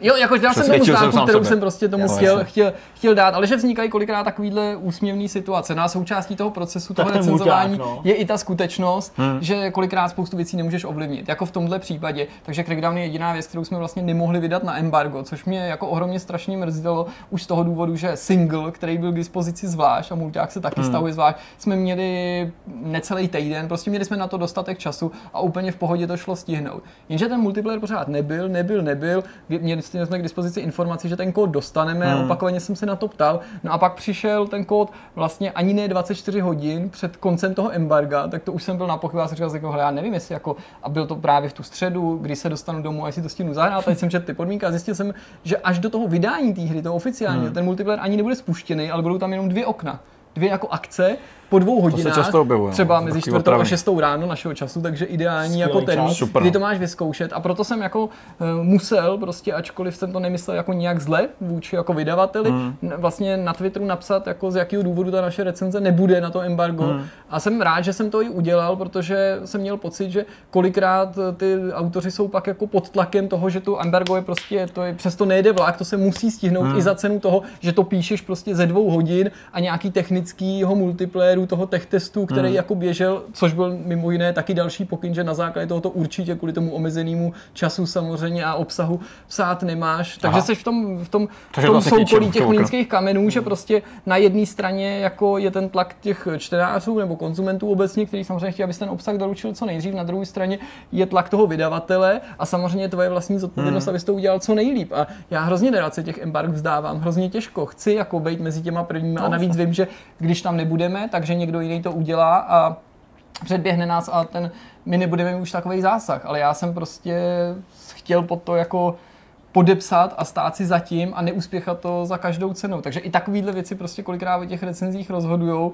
a byla to o to větší škoda, že prostě spoustu těch her dostaneme v momentě, kdy už třeba zahraniční recenze jsou venku pak je o to těžší vlastně to jako recenzovat pod tím tlakem toho, že prostě hmm. na to hmm. nemáš týden, máš na to tři dny nebo něco takového, protože pak už ta, ten text bude úplně irrelevantní, ale když tu hru máš čas a nějaká její část prostě nedojde, tak to je fakt, fakt velká škoda. No.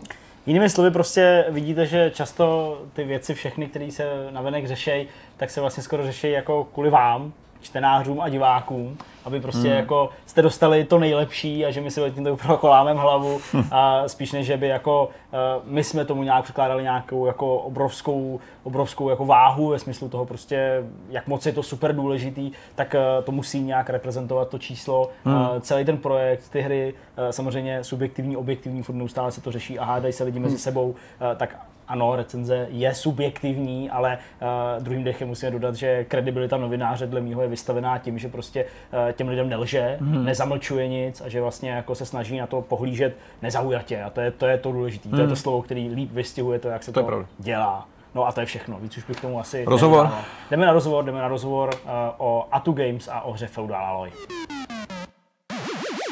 Jak jsme avizovali už na začátku, ani tentokrát nechybí ve Vortexu hosté a tím jsou hned dva hosté. Je to Eva Balíková Ahoj. a Lukáš Navrátil, Ahoj. členové znojemského studia Atu Games. Já vás tady moc vítám. Zároveň musím upozornit na tuto premiéru, která tady právě probíhá, protože jste ti první, kteří nás donutili přepracovat ten systém, kdy máme vždycky dva eh, dotazující a jednoho hosta, ale ve vašem případě jsme rádi udělali výjimku, protože vy jste skutečně dvoučlený studio, a téměř všechno na vašich hrách, který, na kterých pracujete, si děláte sami. Můžete nejdřív pro začátek schválně popsat našim divákům, jak máte ty úlohy rozdělený, kdo dělá co?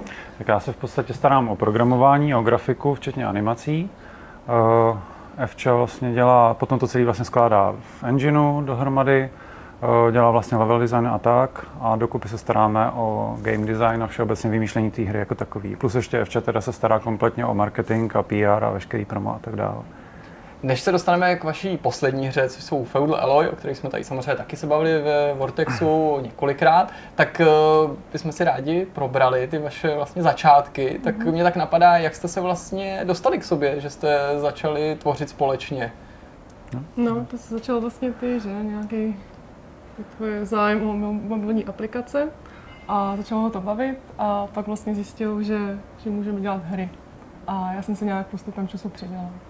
A původně teda jste nedělali tuto tu práci? Ne, ne, ne, ne, měli jsme v kasínu. Uh-huh.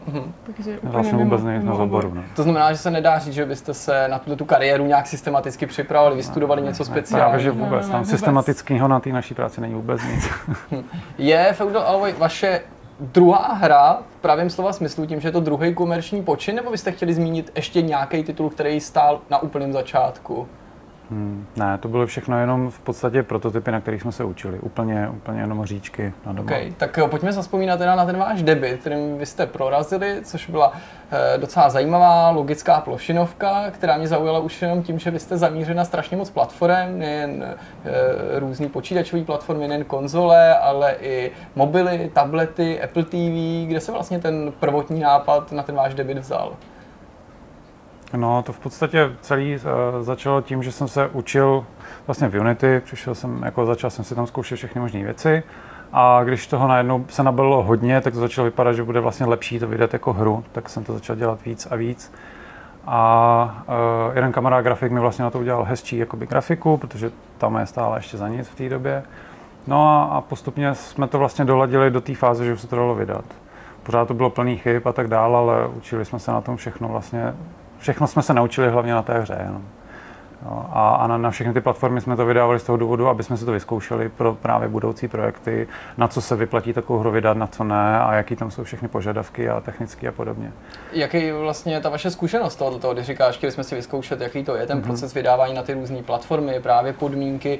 Můžeš třeba zkusit zrekapitulovat, jaká platforma pro vás znamenala jako ztrátu času zpětně za to a která naopak vás příjemně překvapila třeba, protože já vím, že vy jste, máte to například na Apple TV, říkám mm-hmm. to mhm. správně, což je platforma, kterou kterou ani renomovaný studia nevyužívají příliš mm-hmm. často.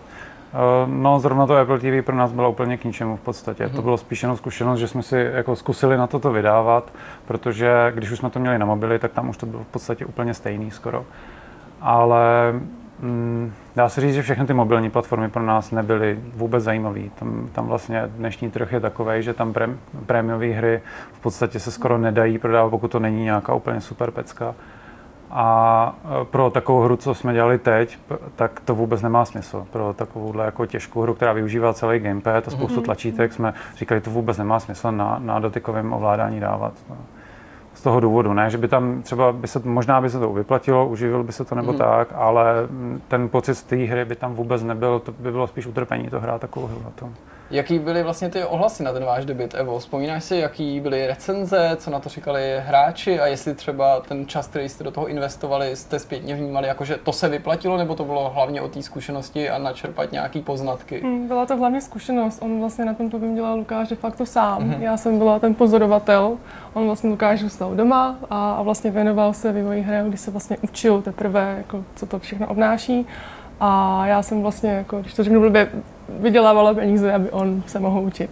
Takže já jsem byla jenom takový jako tester, dá se říct, takže ten pozorovatel. Takže Lukáš byl ten vlastně, co to sám takhle vytvořil, takže spíš asi ty tomu máš co říct. Takhle. Co, co, co se jako na, ty, na, ty, na, ty, na ty ohlasy, co tomu lidi říkali, nebo jak to třeba rezonovalo ty tehdejší verdikty s tebou, protože to je přece jenom velký moment jako v životě vývojáře, Aha. první dokončený projekt, teď to vlastně vystavíš na ten Steam a na ty další digitální kanály a jsi konfrontovaný s tou odezvou samotných hráčů a kritiků. Aha. Byl to pro tebe příjemná zkušenost, nebo na tebe třeba padla nějaká deprese z toho, že se to ne každému líbí a najednou prostě to tvoje vymodlený dítě ti někdo začne kritizovat? Jasně, to určitě není moc příjemný, teda, pokud ta hra nezbírá samý desítky desítky, tak to asi není příjemný pro žádného vývojáře, když začne na to slychat ty ohlasy. Ale uh, já jsem to od začátku bral tu hru jenom vyslovně na naučení a, a vydali jsme to prostě jenom proto, aby jsme mohli dál dělat aby jsme vydělali nějaké peníze a mohli jsme dál pracovat na dalších lepších hrách. Takže jako já vím, že tam všechno, co vlastně na, na co si lidi stěžují u té hry, tak vlastně já s tím naprosto souhlasím. Jo, není vůbec inovátorská, není ničím nějak zajímavá a spíš jsme měli štěstí, že vůbec byl na to dostatečný zájem, aby jsme mohli dál pokračovat a tak nějak přežít a dodělat vlastně tu další hru. Kde se vlastně vzal pak ten nápad, že jste si řekli, OK, tak na tom druhém titulu na Feudal ale už budeme dělat oba a Eva nebude jenom eh, člověk, eh, který přináší teda domů peníze, aby ty si mohl tvořit, protože to musel být pro vás další velký krok, protože jste vlastně v tu chvíli riskovali jako oba, nebo jste se zbavili nějakého hlavního příjmu. Mně se zalíbilo to, to vyrábění těch her, že ten smysl toho, že budeme pracovat spolu z domu, že vlastně se mi to líbilo natolik, že jsem se zapojila a jak společně jsme se učili s tím, že Lukáš byl ten zkušenější a já jsem vlastně asi první tomu rok té výroby toho Fude Alloy vlastně trávila tím, že jsem se učila. A já jsem začala s tím, že jsem si dělala nějaký jako výzkum, kdy jsem asi první rok vývoje Fude Alloy vlastně strávila tím, že jsem si hledala, jak třeba propakovat tu hru a celkově co, snažila jsem se pročítat recenze podobných her, co lidi mají rádi, co lidi nemají rádi a to si myslím, že mi docela pomohlo. A, a postupně jsem si zkoušela kreslit, zkoušela jsem si programovat od každého něco a tak nějak jsem se snažila zapojit postupně. Byli jste oba už před tou tvorbou aktivní hráči, předpokládám. Jsou hmm. hry, které sami tvoříte, hrama, který sami i hrajete, anebo v tom v té volbě toho žánru, protože Metroidvania to přece jenom dneska prostě není nejrozšířenější žánr v letech 2018-2019, byla spíš jako snaha právě zvolit si něco, co nemá tak velkou konkurenci, dejme tomu, i když i třeba tak velkou cílovou skupinu, navzdory tomu třeba, že já nevím, ve volném čase hrajete strategii. Jak to máte? My jsme se spíš snažili, nebo myslím si, že i do, do budoucna se budeme snažit vyvíjet hry, které vlastně chceme i sami hrát. Hmm. Že třeba ty Metroidvány, plošinovky, že to je něco, co opravdu jako máme rádi a myslím si, že to k tomu máme jako co nabídnout. Že? A zároveň taky nemůžeme volit nějaký 3D multiplayerovky nebo něco, jo, a i strategie v podstatě jsou moc složitý žánr na nás takže spíš něco, co právě zvládneme udělat sami. Takže... Uvažovali jste o tom, když jste se pouštěli do Feudal Alloy, jestli to bude víc Metroidvanie a nebo víc plošinovka, protože já jsem se tady se Zdeňkem několikrát vlastně bavil, když jsem tu hru testoval a chystali jsme se na recenzi o tom, že mě to vlastně jako baví, ale není tam s tím, že já třeba tolik Metroidvanie nevyhledávám, což mm-hmm. mi nějak nezabránilo si tu hru užít, ale kolikrát jsem říkal, ty, kdyby to v tomhle duchu ještě byla jakoby klasická plošinovka, klidně náročná souboje, tak mě vlastně zajímá, jaký byl ten tvůrčí proces, jestli pro vás to byla od začátku Metroidvanie, nebo jste trochu koketovali s tím, že by to mohla být být i plošinovka. No, tam byl právě problém v tom, že od začátku jsme to neměli vymyšlený, tu hru, jo? že my jsme je vlastně vymýšleli v průběhu. Úplně původně měl být mnohem jednodušší, pak jsme tam začali přidávat spoustu věcí, začali jsme vlastně hledat podobné hry a brát z toho inspiraci, pak jsme zase spoustu věcí museli vyškrtat, protože jsme to nestíhali, ale ta hra se nám úplně měnila pod rukama, protože jsme se třeba první polovinu, třeba rok a půl jenom učili v mhm. podstatě a všechno jsme furt vyhazovali do koše. Mm-hmm. Co jsme udělali, jsme zase vyhodili a znova a znova, takže my jsme to spíš no, neměli jsme to prostě dopředu vymyšlený, takže, takže ten žánr z toho vlastně vyplynul tak nějak přirozeně, že jsme se snažili tak nějak koukat na ty podobné hry a inspirovat se, brát si z toho, co se nám líbí a tak nějak to splácet dokupy. Je tohle třeba i důvodem, my jsme se o tom bavili nějak na dálku nebo vlastně prostřednictvím chatu při nějakém našem živém vysílání, že třeba některé věci, které potenciálně uh, by se staly terčem nějaký kritiky, jako je třeba ta práce s tím inventářem, byly tak hluboko zakořeněný v té hře, že už to nešlo změnit? Můžete k tomu říct něco víc, protože ačkoliv my jsme to tady trochu nadnesli během povídání v recenzi, hmm. tak ne zdaleka každý to mohl eh, zachytit. Co je vlastně tím důvodem, proč ten inventář funguje tak, jak funguje a zjednodušeně řečeno, není na první pohled zřejmě, jestli meč, co jsem právě právě sebral, mm. je lepší nebo horší než ten, který už to tam je, je. To je přesně ten důvod právě, že jsme to vyvíjeli postupně. A prostě v jedné části té hry nám přišlo, že tam chybí něco právě jako inventář, sbírání věcí, vylepšování postavy, tak jsme to tam prostě přidali, protože jsme si mysleli, že to je hrozně jednoduchý. A a tím vlastně, že jsme to, všechny tyhle ty věci dělali postupně a pořád předělávali, tak, tak to vlastně dopadlo takhle. No. A, a v určité fázi už jsme museli říct dost, teď už to prostě není často předělat, mm. protože vlastně ten inventář je jakoby nakreslený, natvrdo, naanimovaný a museli bychom to úplně celý předělat vlastně kvůli takovým věcem.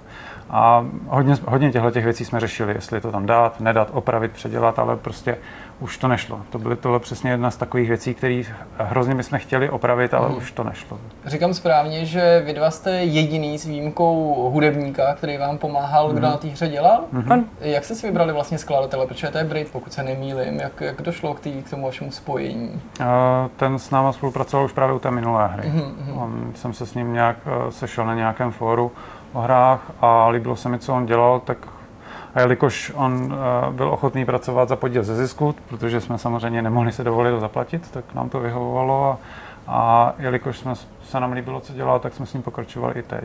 Jedna z věcí, která mě osobně moc zaujala, myslím, že spoustu hráčů je skutečnost, že kromě PC vyšel Feudal Alloy nebo debitoval Feudal Alloy i na Switchi, mm-hmm. s tím, že samozřejmě vy slibujete, že vyjde i na PlayStation 4 a Xboxu One, ale e, není to úplně zvykem, aby i hra taková, takovýhle druhu, jakkoliv se na Switch nepochybně hodí, na Switch zamířila vlastně dřív než na ty velké platformy. E, na základě čeho jste k tomu, tomu rozhodnutí dospěli, jaká je vlastně vaše zkušenost s vydáváním hry na platformě od Nintendo? Já si myslím, že ta hra se na ten Switch právě perfektně hodí, takže jsme to preferovali jako první a, a vlastně tam vychází čím dál tím víc a víc her, takže jsme se spíš snažili jako být tam co nejdřív. To je mm. asi tak jako jediný důvod, mm. proč. Jo, že ten Switch se vlastně hodně zaplňuje poslední dobou, mm. že vydat tam hru před rokem znamenalo v podstatě automaticky vydělat spoustu peněz, mm. protože tam vycházelo pár her týdně, ale teď už je to situace jiná a my jsme nechtěli, aby se nám stalo, že se to zaplní a ta hra tam okamžitě hned zapadne, takže jsme co nejdřív prostě jeli na ten Switch. Ale původní, první, mm-hmm. původní plán vlastně bylo to, že to vyjde na všechny ty platformy zároveň. Mm-hmm. I ten mhm. PlayStation a Xbox, a to už jsme bohužel nestihli v den vydání, což, což nás mrzí. A poskytl vám Nintendo nějakou zvláštní podporu? Jak to vlastně funguje při tom vývoji na ten Switch? Vy jste využívali jenom svý nástroje, které vám umožnili vlastně vydat tuhle tu mm-hmm. konverzi, nebo jste museli být v nějakém kontaktu uším s Nintendem, co se týče nějakého ladění toho softwaru? Mm, no, v podstatě ten vývojář musí být takový v tom kontaktu, to, to Nintendo vlastně schvaluje každý ten projekt, musí poskytnout ten hardware vývojářský a tak dál a vlastně software, ale ale jinak je to taková hra dál si myslím moc nezajímá, že mm. neměli jsme tam žádné konkurenční výhody oproti jiným platformám nebo podobně, vůbec žádný nic takový. A neposkytli vám třeba aspoň nějakou marketingovou podporu, mm. protože Nintendo občas dělá, že jo, takový ty svý videoreely, ve kterých mm. propaguje nezávislé tituly a teď vím, že zrovna udělali ukázku toho, co nás vlastně čeká v tomhle roce. Mm. V tu chvíli už byl Feudal Alloy venku a trochu jsem čekal, že byste se tam mohli myhnout, tak jsem si říkal, jestli jsem nepromeškal nějaký z takových starších vydání a nebyli jste tam to. To jsme taky čekali a nic. No. Okay, to je škoda, bohužel. Přestože se nám povedlo jako trošku nějaký kontakty se jako to, ale bohužel asi se jim to nelíbilo. No. Dostatečně. Co ty další konzolové verze? Máte teďka představu o tom, v jakém horizontu by mohly být ty další porty? Tam je to těžko říct, je to v řádech měsíců. Mm-hmm. No, že v podstatě ta hra je na to připravená od začátku, celou dobu jsme to dělali tak, aby to bylo rovnou na všechny platformy, ale tam jde spíš o jakoby papírování v podstatě, zjednodušeně řečeno. Jo? Že tam je trošku taková byrokracie u těch konzolí a, a věkový ratingy a podobně, takže to všechno to hrozně zdržuje. Celá ta komunikace s, vlastně s takovou velkou firmou je pro, pro nás jako úplně PD Studio hrozná, hrozně, hrozně pomalá. No. Jak se vám vlastně takhle ve dvou dělá, když uh, nevzniká vám někdy z toho nějaká ponorka, protože já si vlastně nedokážu pořádně představit, jaký to je dělat něco takhle jako kreativního, vyvíjet hru, pracovat na ní několik eh, let, procházet všechno těma jako zestupama a pádama, který jako takovýhle proces přinášet může, nějaký krize a pak naopak zase uh, momenty, které člověka nabíjí, přináší to nějaký jako nesoulad do vašeho pracovního vztahu? Asi ne, Asi ne. Že nám to takhle vyhovuje, hmm. takhle dělat ve dvou z domů, že hmm. nás jako nikdo nikam jako netlačí, děláme si svým vlastním tempem a nikdo nás ani nezdržuje. Je, nevím, prostě vyhovuje hmm. mi to. Jsme vlastně v podstatě to od začátku to takhle chtěli, takže jsme celou dobu zatím šli, aby se nám toho vlastně podařilo takhle pracovat spolu z domu. A, a i když jsme třeba nestíhali přežívali. nebo tak, tak není problém dělat to víkendu, jo. Takhle, když hmm. už máš nějaký zaměstnance, tak už to není úplně hmm. asi jako ideální, takže my sami si udáváme naše tempo, takže to nám takhle asi vyhovuje zatím hmm. teda aspoň. Nebo... Občas je těžký trošku se dokopat do toho, dodržovat nějaký režim, ale to, je pravda, to už k tomu patří. No. Kromě těch zmíněných portů dalších konzolových, uh, máte něco jiného v plánu, co se týče Feudal Alloy, jako nějakým způsobem rozšiřovat tu stávající hru a podporovat ji dál, když odmyslím si takovou tu klasiku, jako je opravování chyb a tak? No, my jsme o tom přemýšleli a, a v podstatě jsme se rozhodli tak, že uvidíme, jaký o to bude zájem. Mm-hmm. Že počkáme nějakou dobu, mezi tím opravíme ty věci, vydáme to na konzole a pokud by se té hře aspoň trošku dařilo a mělo by to smysl, tak eh, jsme o tom přemýšleli, tam vlastně nějaký obsah přidat. Eh, bavili jsme se o tom, že pokud bychom to dělali, tak by to bylo formou nějakého free, free DLCčka nebo něco, přidat trošku nějakého obsahu tam, opravit, nevím, něco, ale nic jako úplně konkrétního ne. Máme připravené nějaké návrhy, ale to všechno uvidíme, jestli o to vůbec bude zájem a tak. Takže nechceme jako nic slibovat. Co ty reakce na Feudal Alo, jaký byly v zahraničí u nás, co se třeba lidem líbí a nelíbí? My jsme tady něco zmiňovali, ale bylo pro vás něco jako zajímavého speciálně najít v té zpětné vazbě, jako že jste si až po tom, co vás třeba hráči na něco upozornili, nebo si na něco stěžovali, nebo naopak něco chválili, uvědomili, že to je nějaká z dalších klíčových vlastností, které se chcete nebo máte věnovat? No já myslím, že nás nepřekvapilo teda nic, jako co se týče těch recenzí, že všechny ty negativní věci, které na to zazněly, s tím na 100% souhlasíme, protože to jsou všechno věci, o kterých jsme věděli, ale už nám nezbyl čas je tam prostě udělat nebo předělat. Ten inventář třeba tam byl. Spousta. Byl- Měli jsme vymyšlený právě různé dialogy, lepší nebo větší příběh, nebo v podstatě příběh, ten tam teď momentálně není, že jo?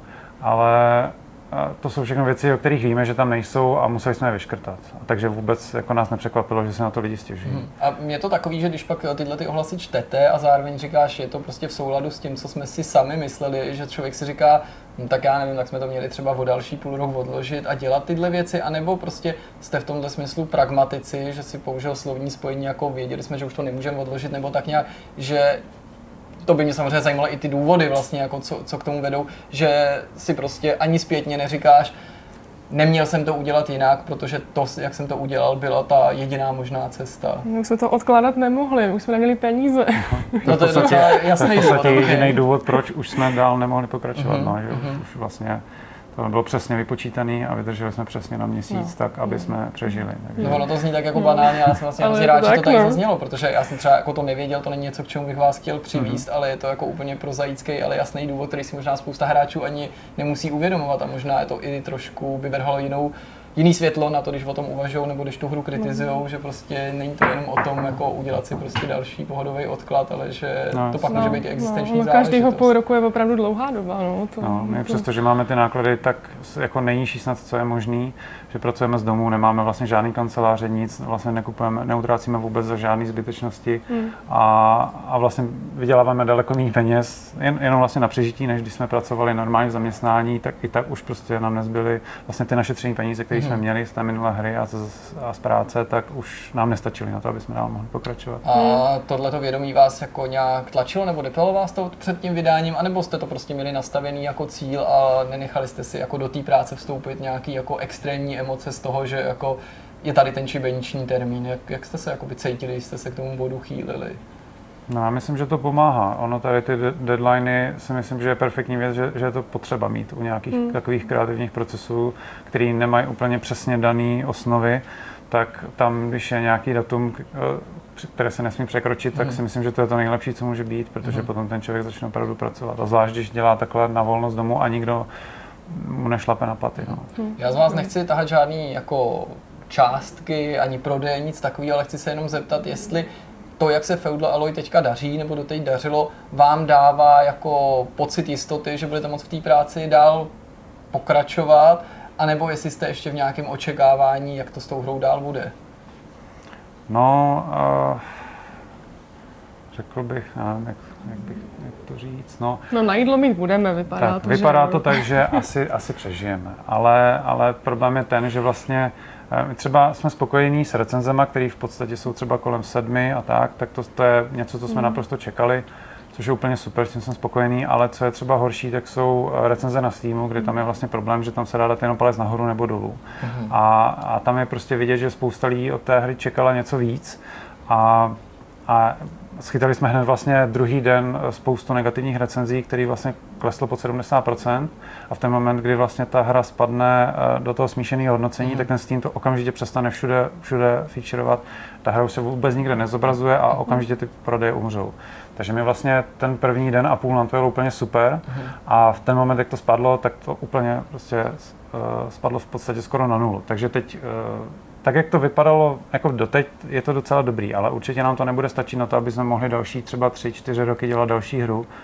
A hrozně to závisí na tom, jak se ta hra bude prodávat třeba právě ve slevách a podobně. No. Teď tam máme nějakých 60% na Steamu, což nám dost ubližuje, takže uvidíme. No. Eh, ty jsi zmiňoval, že ty první nakupující na tom Steamu někteří, že byli trochu zklamaný nebo že očekávali něco jiného. Mě by zajímalo, co teda čekali, jestli se z toho dalo právě vyčíst, že se tam něco třeba opakovalo, že si ty lidi, dejme tomu, mysleli, že to bude plošinovka, nebo že to je hra pro děti, nebo že to je jednodušší a to je to, co je zklamalo, nebo je to něco jiného? Uh, no, já si myslím, že tam hodně, hodně jakoby lidí, lidem vadí to, že tam je třeba ten příběh, že tam v podstatě skoro není, mm-hmm. že ta hra po několika hodinách začne být hodně monotónní, nejsou tam vlastně nějaký pasáže, třeba dialogový, nějaké NPCčka, nějaký třeba malý questy nebo něco, co by trošku nabouralo tu rutinu toho a pak právě třeba práce s inventářem a tak dále. Nebo hudba se hodně opakuje. Hudba, že se opakuje a podobné věci. No. To je třeba něco, na čem ještě, co aspoň s tím budeme moct něco udělat, konkrétně s tou hudbou, ale ty ostatní věci bohužel už ne. No. Koukal jsem, že využíváte Patreon jako formát, nebo dejme tomu službu, mm-hmm. prostřednictvím jejíž vás můžou fanoušci, hráči podporovat mm-hmm. průběžně. Eh, uvažovali jste třeba o tom, že kdyby Feudal Alloy dejme tomu vám nevydělal dost peněz na to, abyste mohli se dalších několik let tak jako doteď prostě věnovat tomu příštímu projektu, že byste kromě toho Patreonu zkusili nějakou crowdfundingovou kampaň na Kickstarteru a podobných službách, nebo to není cesta, kterou byste chtěli jít? No, přemýšleli jsme samozřejmě o tom, jsou různý právě tady ty cesty, jak, jak by se daly získat ty prostředky na to. Tohle je jedna z nich, a, eh, ale nepřemýšleli jsme nad tím konkrétně. Vím, jako uvidíme podle toho, jak se tomu bude dařit. No. Jsou, Pokud... jsou nějaké věci, které vás od toho odrazují, protože my se o tom bavíme s vývářem docela mm-hmm. často. Samozřejmě z nich se nesnažíme tahat žádný rozumy, spíš jako zajímá nás, eh, čeho se třeba obávají. Dost často zmiňují právě mm, to, že prostě budou příliš třeba jako ve vleku těch přání hráčů, mm-hmm. že, že jim to trochu sváže ty, tu, tu volnost a ty ruce, nebo že to nějakým způsobem bude do budoucna omezovat, nebo že to zklamání, který Eh, tady vždycky určitý riziko, že se objeví, takže bude prostě větší než ten přínos, který ten Kickstarter má. To je, to je určitě pravda, no, tohle riziko tam je a, a další věc je, že ono to, taky ty peníze vlastně, které tam člověk vydělá, eh, se nemusí úplně vždycky všechny vyplatit, nebo je, je těžký to hodně dobře spočítat, protože spou, potom se spousta peněz utratí na daních a, na, a vlastně na těch mhm. fyzických dárcích, které se posílají Jasně. do celého světa. Mm. A to potom třeba klidně utratí ten vývojář tři čtvrtě těch peněz jenom na tohleto. A, a další věc je, že, že celá ta kampaň je hrozně náročná časově. Mm-hmm. Připravit to všechno, aby to vůbec mělo nějakou aspoň trošku malou šanci úspět v dnešní mm-hmm. době, tak to je určitě příprava v řádech minimálně týdnů, spíš měsíců. Mm-hmm. A pak tu komunitu udržovat. A, a udržovat to vlastně, a to všechno je, je práce na full time minimálně pro jednoho člověka a mhm. nás by to mhm. strašně brzdilo. Mm-hmm. Takže pokud to nebude nutný, tak zatím jako spíš ne. Ale zase druhá výhoda je, že tam uh, u, her, u některých her se to hodí, že tam vlastně člověk nabere dobrou komunitu testrů, dobrou komunitu vlastně klidně tisíce hráčů dopředu, který tu hru vlastně už v podstatě si jako kdyby koupí a testují a dávají na to zpětnou vazbu už roky dopředu klidně mm. a dá se ta hra potom vyladit úplně perfektně. Vy třeba Dead Cells to takhle vlastně dělali, takže oni, oni vlastně mohli tu hru krásně vyladit dopředu a věděli, že vydávají perfektní vyladěný produkt už. No. Takže má to i výhody i nevýhody a zatím ještě nevím, nevíme, no. Hmm. nebavili jsme se na tom konkrétně. Ještě by mě moc zajímalo, na kterých trzích se vaší hře daří. Mně je jasný, že jako nejde úplně porovnávat náš region, jako Česko, Slovensko, se zbytkem světa, protože je to nesouměřitelné velikostí a tak dál. Ale zároveň tím, že jste český tým a nějakou publicitu věnujete tomu našemu a sousedním trhům a zase úplně jinou tomu světovému, dá se jako vlastně říct teda, kde to víc rezonovalo Feudal Alloy? No, my podle Steamu teda můžeme říct, že na prvním místě se to prodá v Rusku, pak mm-hmm. je mhm. Čína, pak je Amerika a pak je Česko. A pak až je Francie, Německo, Španělsko, Kanada, takže čtyřka je Česko, což nás hodně překvapilo, no, že hmm. jako až tak moc. Hmm. Asi to, že je tam česká lokalizace, to, že jsme český studio, to je, to je jasný, ale i tak, jakože fakt jako... To určitě udělala hodně to, to, že o nás vlastně tady napsali a natočili v podstatě všichni. Jako hmm. všechny média nás zmiňovali, takže to určitě udělá hodně. Ty zahraniční, to, to je nějak moc nezajímá, to je spíš náhoda, když se on, o nás zmínil někdo. Ale pak nám určitě hodně pomohlo právě ta lokalizace do těch několika, nevím, 17 18, jazyků, 18.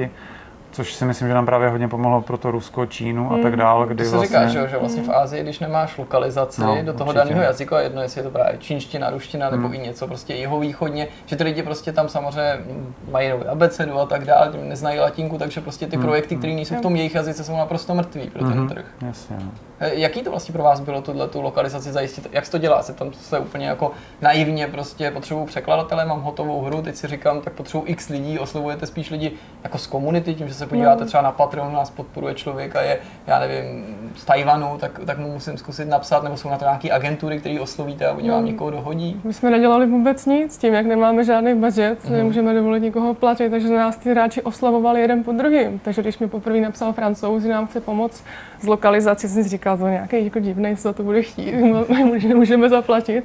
Ale většinou to byli nějací studenti nebo prostě někdo, kdo začíná a vybuduje si nějaký portfolio, takže všechno nám to dělali dobrovolně a jako bez nároku na honorář, Hmm. což jako nechápu, jako 18 jazyků, takhle to je, to je úžasný. No. My Jsme to vlastně původně vůbec neplánovali, no, no, to, no. to vzniklo tak Mhm. nějak samo. A máme tam prostě maďarštinu, ukrajinštinu a takový fakt jako neúplně populární jazyky. Mhm. A já jsem z toho úplně, fakt je to takový jako hezký, no, kolik lidí jako je ochotno po nám pomoct, když jako vidí, Mhm. že jsme fakt jako malý tým, nejsme obří studio veliký. takže Jak se vlastně super. ten překlad ladil, protože to u některých těch jazyků musí být složitý i z hlediska toho, že vlastně to využívá úplně jiný fonty a ty nemusí být v té vaší grafice. Něco jiného to znamená taky třeba pro dílku těch textů na Hmm. té obrazovce. A další věc je, že někdo ti sice pošle nějaký texty, ty je do té hry dáš, ale vlastně nemůžeš to sám zkontrolovat, čili No, musíš mít nějakou zpětnou vazbu, jak je to komplikovaný. Jsme měli u té japonštiny problém, že? Ten font byl úplně, oni mají písmo ty jazyky vlastně, ty, ty fonty bylo trošku problém, no. Jako bylo to peklo tady ladit, ladit vlastně v tom engineu ty fonty a to zalamování řádku a tak. A myslím si, že pořád tam teďka asi bude spousta chyb, protože ne na všechny jazyky jsme měli dostatek různých testů a, a hráčů, kteří by nám na to dávali feedback. Tak nevím, ale nikdo si na to zatím nestěžoval. Tak, Asi dobrý. no. Přemýšleli jste o vašem dalším projektu už během vývoje Feudal Alloy, nebo to je něco, co člověk si jako nechce do té hlavy pustit, aby se nerozptiloval? Přemýšlel, já si myslím, že to dělají všichni, že Hmm. už to chtějí mít za sebou a dělat něco nového, lepšího No, a to od určitě. začátku, takže A Takže jo. v jaký, v jaký fázi ty vaše úvahy teďka jsou? Necháte trochu nás jako nahlídnout do toho? Ne, ne, ne, ne, nesnažím se z vás vypáčit žádný jako tajný informace, spíš jako připravujeme to, myslíme si, že to bude něco v podobném duchu, nebo co, co byste nám jako prozradili o tom, jaká bude budoucnost studia ATU? No, v podstatě jako nemáme konkrétní plány, jo. Mhm. máme spíš nějaký všeobecný. Chtěli bychom se držet něčeho podobného, protože Mhm. nechceme, nechceme zahodit to všechno, co jsme se tady tři roky učili, chtěli bychom právě naopak to zužitkovat a teď už to chytit jako od začátku správně a dělat to pořádně. Prostě opravdu jako vymýšlet ten design dopředu a ne až v průběhu a podobně. A takže nechceme se pouštět zase do úplně něčeho jiného, protože tam jsme se to zase znovu učili Mhm. od začátku ale nějaký konkrétní nápady, to spíš máme jenom takové myšlenky, spoustu Mhm. poznámek a toho, co bychom chtěli dělat jinak, co, co se nám líbí na jiných hrách zase a podobně. A taky jsme přemýšleli dost o tom, jestli vlastně se držet toho světa, který jsme vlastně teďka vymýšleli. Mhm, mhm. Určitě teda nechceme dělat vlastně pokračování tohoto, nechceme dělat znova to stejný, jenom trošku lepší, chceme jako chopit se to úplně jinak, ale držet se trošku něčeho podobného. A přemýšleli jsme právě o tom, jestli, jestli zachovat ten svět, který Mhm. jsme vymysleli, rozšířit ho a tak, protože nám přijde docela zajímavý a lidem se to líbí.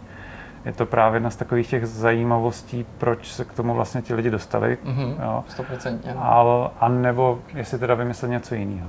To, to zatím ještě nevíme. Bude to jedna z věcí, které teprve budeme řešit. Když se vám teďka někdo ozve, dejme tomu, nebo by se vám někdo ozval ve stylu, prostě hrál jsem Feudal Alloy, strašně se mi to líbilo, já nevím, dělám něco podobného, ale nejde mi to, chtěl bych se k vám přidat, nebo můžu vám nějak pomoct. Eh, Děje se něco takového, nebo měli byste vůbec zájem o to, abyste se s někým spojili, rozšířit, nebo z těch důvodů, který jste popisovali, chceme si to dělat jako po svým, ve dvou, v klidu, v soukromí, mimo nějakou velkou korporaci. To je vlastně jako příčina toho, že byste ani neměli zájem, aby se ten eh, tým nějakým způsobem rozrůstal. No, V podstatě Mm. asi jo, spíš jakože plánujeme spíš pokračovat takhle, jak, jak jsme teď. A pokud bychom se měli uh, rozrůstat, tak spíš formou jako nějaký externí spolupráce určitě, protože my rozhodně nechceme uh, investovat do kanceláří a zakládat prostě Mm. větší studio, nabíjet zaměstnance. Na to nemáme ani peníze a ani by nás to asi nebavilo. Jo, že my chceme Mm. právě spíš takhle pracovat.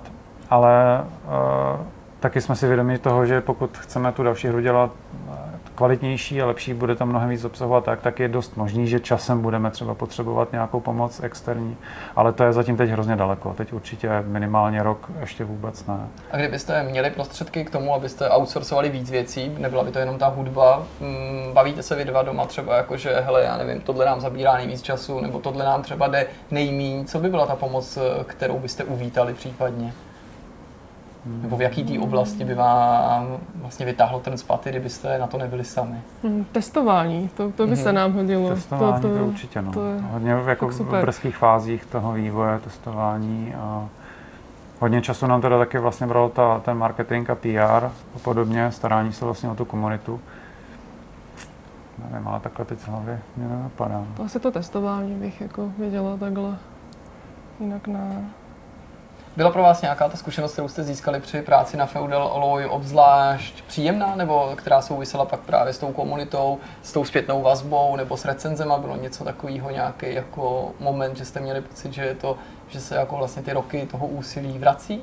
Jinak právě, než, než, než jenom tím, že se ta hra prodává a že získáte prostředky na další práci? Možná nějaký takový ty hlasy třeba ohledně té lokalizace, že nám právě nabídli pomoc, nebo že nám někdo napíše, jo, hrál jsem tvoji hru a sám tak něco zkouším a líbí se mi to, tak to je takový jako hezký tady hlavně. Taky to, že se nám to třeba podařilo uh, procpat do nějakých i zahraničních větších médií, jako Game Informer a PC Gamer a tak o tom někde napsali sice nějaká menší rubrika, ale že to vůbec zmínili, tak to nás jako kolikrát hodně překvapilo, z toho jsme byli taky takový vyukaný, ale jinak nevím. A je to něco, co se neděje teda organicky, to třeba právě ten zmíněný Game Informer, nebo když o tom napíše PC Gamer, zatím byla vždycky jako vaše nějaká iniciativa, vaše práce, nebo si toho ty média všimnou? My jsme se snažili sdílet pořád něco, pokud mm-hmm. možno denně něco, pořád, pořád něco vymýšlet, takže mm. spíš předpokládám, že oni si toho všimli na základě toho, že to někdo jo. z nich někde viděl. Že takže... jako bylo to naše práce, ale ne, ne přímo. Mm. Ne tím, že bychom přímo je oslovili a oni by nám odpověděli, to většinou ne. To spíš mm. bylo to, že nám třeba někdo, někdo to viděl, viděl mm. to mhm. někde na nějaký Facebookové skupině, zajímá se o to, tak nám napsal. A tak. Jeden jako z takových trendů, že o posledních let je spolupráce s youtuberama. Spousta vývojářů, včetně těch českých, se snaží svý tituly nabídnout a zviditelně prostřednictvím influencerů, právě třeba i zahraničích prostě hvězd, který si tu tvojí hru zahrajou a díky tomu vlastně upozorní vůbec tu komunitu na to, že ta hra existuje, protože možná ještě větší problém, než přesvědčit hráče o kvalitách svého titulu, mám pocit, je vůbec vyslat zprávu do světa, že tady ta hra je, že to je vlastně mm-hmm. v tom přetlaku mm-hmm. to, to nejnáročnější vlastně nějak jako vybřednout z, tý, z toho davu. Je to i nějaká cesta, o které jste vy uvažovali, nebo to není něco, co by vám bylo sympatický, nebo mm, prostě... No, tak my jsme samozřejmě oslovovali všechno, všechny, co se, co, na, na, na koho jsme sehnali kontakty, takže my jsme snažili jsme se tu hru spát úplně všude. Ale zase, když už se nám ozval někdo třeba nějaký větší youtuber, tak tam zase většinou to už eh, není zdarma, taková hmm. jakoby, akce a to je zase, to jsou sumy, kterými si vůbec nemůžeme dovolit u těch jako opravdu větších. Hmm. Ale jinak jsme se snažili prostě využívat veškerý kanály, které se nám naskytly. No. Čili vám se stalo, že jste někoho oslovili a ten člověk byl třeba ochotný spolupracovat, ale napsal vám, OK, já bych prostě Feudal ale zahrál tady třeba jako 20 minut, ale posílám tady svůj ceník a prostě stálo by to tolik a tolik? V podstatě, jo. ale tam už to většinou řeší nějaká agentura, která mm, zastupuje toho, toho člověka. Takže většinou na ten e-mail, na který my posíláme tu nabídku, tak už se rovnou ozývá ta agentura a, mm. a tak dále. No. No, to je dost nechutný, musím říct, ale to je jenom takový můj osobní jako postřeh, že si vlastně myslím, jako, že ty, to informování o těch hrách by nikdy nemělo být spojený s tím, že jako vlastně informuješ o tom, co, za co ti někdo jiný dá peníze, mm. že by si měl ty mm. tituly vybírat podle toho, že ti to tobě přijde zajímavý, no, nebo no. prostě, že to je kvalitní, ale to je jenom takový. A tak ono už zase tady na té úrovni, když má někdo několik milionů odběratelů, anglický kanál, tak už je to úplně asi o něčem jiném. No. To už to už je spíš jako zábavný kanál, než, než nějaká seriózní novinařina nebo něco a tam, tam už jde asi o peníze, o reklamu a hmm. podobně. Hmm. Řekněte mi, eh, jak, eh, nebo spíš kdo bude mít hlavní slovo při formování toho dalšího projektu, jak vlastně ty vaše úlohy stran toho jako budoucího titulu jsou rozdělený, protože vy jste popsali, kdo o co se stará, mm. přesto si můžu představit, že tam je obrovský průnik toho, co vymýšlíte, mm. jak to nasměrovat. Jak pak bude vypadat ten proces toho rozhodování, do čeho se pustíme dál? My jsme se teďka udělali jaký plán, kdo se bude co učit, protože pořád jsme hrozní začátečníci. Hmm. Takže já bych se chtěla věnovat programování a game designu a Lukáš animaci a kreslení a pak to spolu nějak jako hmm. zase splácáme, snad, snad líp než Ale asi u nás není něco, teďka. že by jeden z nás vlastně Hmm. vedl, vymýšlel to a ten druhý se jenom vezl. Mhm. V podstatě dáváme návrhy oba, oba o tom pořád asi debatujeme a vymýšlíme to tak nějak spolu. Než eh, se dostaneme k úplnému závěru, tak by mě ještě zajímalo, protože jste zmínili právě, že děláte z domova a jakým způsobem nakládáte s tím pracovním časem. A napadlo mě, že řada lidí by to mohla vlastně jako milně interpretovat tak, že to je vlastně taková pohoda, že si děláte, když chcete a kdy naopak neděláte, když nechcete. Já vím, že je to spíš jako o té opačné perspektivě, do toho, aby ten pracovní život příliš jako nevstupoval do toho soukromého, že o tomhle oddělování to je. Jak vlastně si s tím tím poradíte, abyste si, já nevím, řekli dost, aby člověk nedělal každý den třeba do desíti, do večera, jako mm, existuje na to nějaká jako finta, jak vlastně jako se s tím tím vypořádat, když ze stej, ve stejném místě bydlím a žiju, jako ve stejném místě pracuju. No, není to úplně jednoduchý. Já mám takový jako pořád tendenci třeba, já mám na starosti e-maily a veškerou komunikaci s lidma, takže taky jako vždycky mi někdo píše, napíše mail a já mám takovou tendenci hned odepsat. Jako takový to, že ne, nenechat to na ráno a s tím mám sama problém tady s těma věcma. Hmm. Ale v podstatě museli jsme si taky eh, nějakou dobu budovat eh, nějaký denní režim a ten Hmm. prostě dodržovat. Aby, aby to bylo stejné, jako kdyby jsme chodili někam do zaměstnání, protože eh, už jsme se poučili, že tohle, když člověk nedělá, tak začne čím dál tím víc lenivět, aniž by si to všímal a, a najednou prostě člověk dělá hodinu denně a zbytek se jenom válí někde a to jako není. To není dobrý. No. Je úplně závěrem něco, co jsem se vás zapomněl zeptat, nebo o čem jste chtěli v tomto rozhovoru promluvit a my jsme se tomu třeba vyhli, nebo něco, co byste chtěli zkázat našim divákům, nějaký téma, který jsme opomněli, No, já se nenapadne. Nevím, nebo doporučení třeba, kdybyste chtěli jako někoho, kdo by měl zájem jít v podobných šlépích jako vy, tak jakou zkušenost byste mu mohli předat, třeba se na nás v tuhle chvíli může dívat nějaký pár, který třeba nedělá v kasínu a někde jinde a říká si, tyjo, tak podívej se na Evu s Lukášem, oni jako zvládli prostě jakožto normální hráči osvojit si takovouhle nějakou novou disciplínu, vydali společně hru, tak jak, co byste takový dvojici doporučili, aby udělali nebo naopak neudělali, aby třeba neopakovali nějaké chyby, a, kterými byste si museli projít? No, určitě běžte do toho. Ale... Učte eh, se základy Tak hlavně. jo. A začínat s malým. Opravdu s málem jako a nepouštět se do žádných velkých projektů hned ze startu. To rozhodně. Tak jo, tak jste to sami slyšeli. Já vám, Evo a Lukáši, moc děkuji za celý Vortex, za návštěvu. pozvání. Přejeme vám hodně štěstí, nejen s Feuda Alloy, s dalšíma portama, ale samozřejmě i s tím, aby to eh, v rámci těch prodejů a dalšího financování dopadlo co nejlíp a samozřejmě hodně štěstí s dalším projektem, ať už to bude cokoliv a budeme se těšit, až ho odhalíte a my ho budeme moc tady ve Vortexu představit. Díky moc krát za návštěvu. Taky děkujeme za pozvání. A my jdeme na další téma. Tak, eh, konečně závěr. Dneska to bylo fakt dlouhý, takže kluci musíme se pomalu vypařit. Nicméně ještě před odchodem samozřejmě se podělíme o ty věci, které jsme zažili za týden. Už jste vlastně slyšeli všechno podstatné. Hráli jsme, eh, přežívali jsme, Zdeněk moc nespal, eh, Jirka se staral o děti, jak jste se podělili na Twitteru o takový příjemný příjemný. To bylo to bylo hezký. To takový- bylo to, Já jsem pak to vlastně bylo fakt. To jo. naše tradiční čtvrteční anomálie. Anomálie je to v tom smyslu, že to je opravdu jiný než zbytek týdne, Než ty- ale pravidelnost spočívá v tom, že ve čtvrtek dvě nebo tři hodiny hlídáme Hlídáš každý doma. dopoledne. Já Ale máš svoji lidskou jestli- stránku, to je hezký. jestli to jako s- vlastně jsme zveřejnili, ale pak to asi říkal, jako hele, o dítě ti říká, nic jako tam jako nepadlo, pohoda, ale pak to tam někdo doplnil ještě na tom Twitteru tím obrázkem z toho Toy Toy Story. Story, tam je ten baz rakeťák To je ale dobrý. a musí Jo, tak to se vypadá, ale já jsem měl ráno asi jako 500 kafí, že jo, ona furt nosila, Jo, jsem říkal Kristýna, ale já jsem je neměl, to byly jako Já fiktivní, vím. jo takhle, jo, promiň, no. A to Čtvrtek, prostě, prostě. no, takže A, a jako, prostě chodí a říká ti, No jako, ale táto, musíš si to dát, ty, jako, no musíš, to nejde prostě jako musíš, odolat. musíš dělat i ten zvuk té trouby a kolikrát začne Ty děláš zvuk trouby, jak si dělá trouba, ukaž to. cing, a pak cink a prostě. Takže mikrovlnka. A kolikrát on nás jako vstane a řekne, hoří, hoří, prostě sem a musíme volat sema, prostě to volá přes chůvičku, halo, prostě a teď jsem jako, nehasíš pak, ho, pak ho musíme Ahoj, vyhnít. já jsem- no, to je já jsem- pořádník sem, to je taková postava, to, to není nikdo z pornofilmu.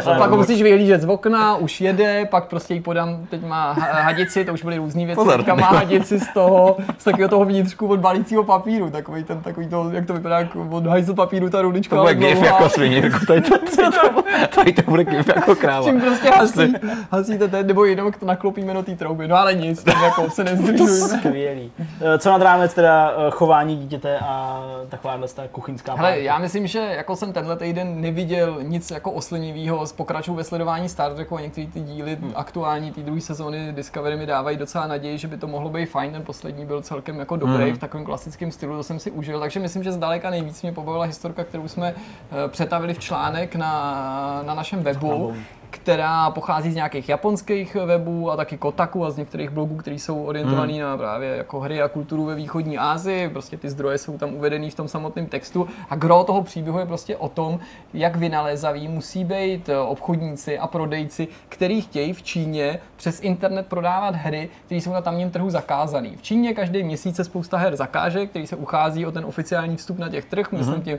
tituly, na který jsme zvyklí tady my ze západu nebo naopak z Japonska. A řada dalších musí být podrobená nějakým cenzurním zásahům, protože jak i Zdeněk vyprávěl třeba v novinkovém souhrnu v souvislosti s Rainbow Six, prostě nahota, hazard, explicitní násilí, krev, všechny tyhle věci jsou v Číně tabu. Nemá smysl teďka jako rozebírat, co si o tom myslíme, jestli je to dobře nebo špatně, tak tomu prostě je. medvídek půl. Čili spousta a nebo taky medvídek půl. Spousta eh, titulů se z toho důvodu vůbec nedostane na ten trh, nebo v podobě, který těm fanouškům moc neštimují. No a mezi tyhle ty zakázané tituly teďka aktuálně patří remake Resident Evil 2. To ovšem neznamená, že ho tam nemůžeš koupit na různých aukčních portálech, akorát musíš vědět přesně, co hledáš. Protože když si chceš koupit tu jako vytouženou verzi Resident Evil 2, tak musíš hledat třeba 25. únor, což je prostě kódový označení, který Ok. jako ta hra se jmenuje 25. únor. ta hra se jmenuje, nebo ten produkt se jmenuje 25. útor, únor a odkazuje na datum vydání eh, Resident Evil 2 To je toho nového. Nebo musíš hledat uh, titul nebo produkt nazvaný první den v práci na policejní stanici dvojtečka remake, což vlastně poměrně hezky ilustruje dobrý, i to, o čem ta hra bude. A pak je tam eh, spousta dalších jako kódových název, názvů typu Capcom Remake 2 a podobně, které třeba nejsou tak veselý, ale je to strašně zajímavý, protože eh, samozřejmě před eh, nějakýma lidma a úřadama, který to prohledávají, pročesávají nevědí, tohle, že tak ty se snaží jako zamaskovat i ty obaly, takže ty hry tam nemají ten klasický obal, ale mají různě naivně ručně kreslený obaly, mm-hmm. že třeba tou rukou vypadá to Jo, jako jasně, nějaký výkres ze základní třídy, eh, základní školy, tak je tam jako ten, ta, ta Claire, prostě ten Leon nakreslený, nebo jsou to obaly kolikrát z úplně jiných her, jo, No, třeba jasně. Resident Evil se tam prodává, ale aby to uniklo oku nějakému jako bedlivýmu, tak tam je oba Little Nightmares, ale ty nekoupíš Little Nightmares, ty koupíš koupíš Resident Evil Resident 2, Evil, nebo je tam jako falešný artwork, který využívá třeba, nebo obal, uh, obrázek z Plants vs. Zombies, že tam je třeba ta zombie s tím kůželem na hlavě, aby to bylo jako nějakou... A to tematicky trošku blíž, Tematicky ale- to tomu odpovídalo. Ale nedalo se to napadnout. No a není to samozřejmě první, ani poslední případ. Hmm. Asi největší pozornost budilo takhle, neřeknu vám co, prostě jiný titul před nějakou dobou.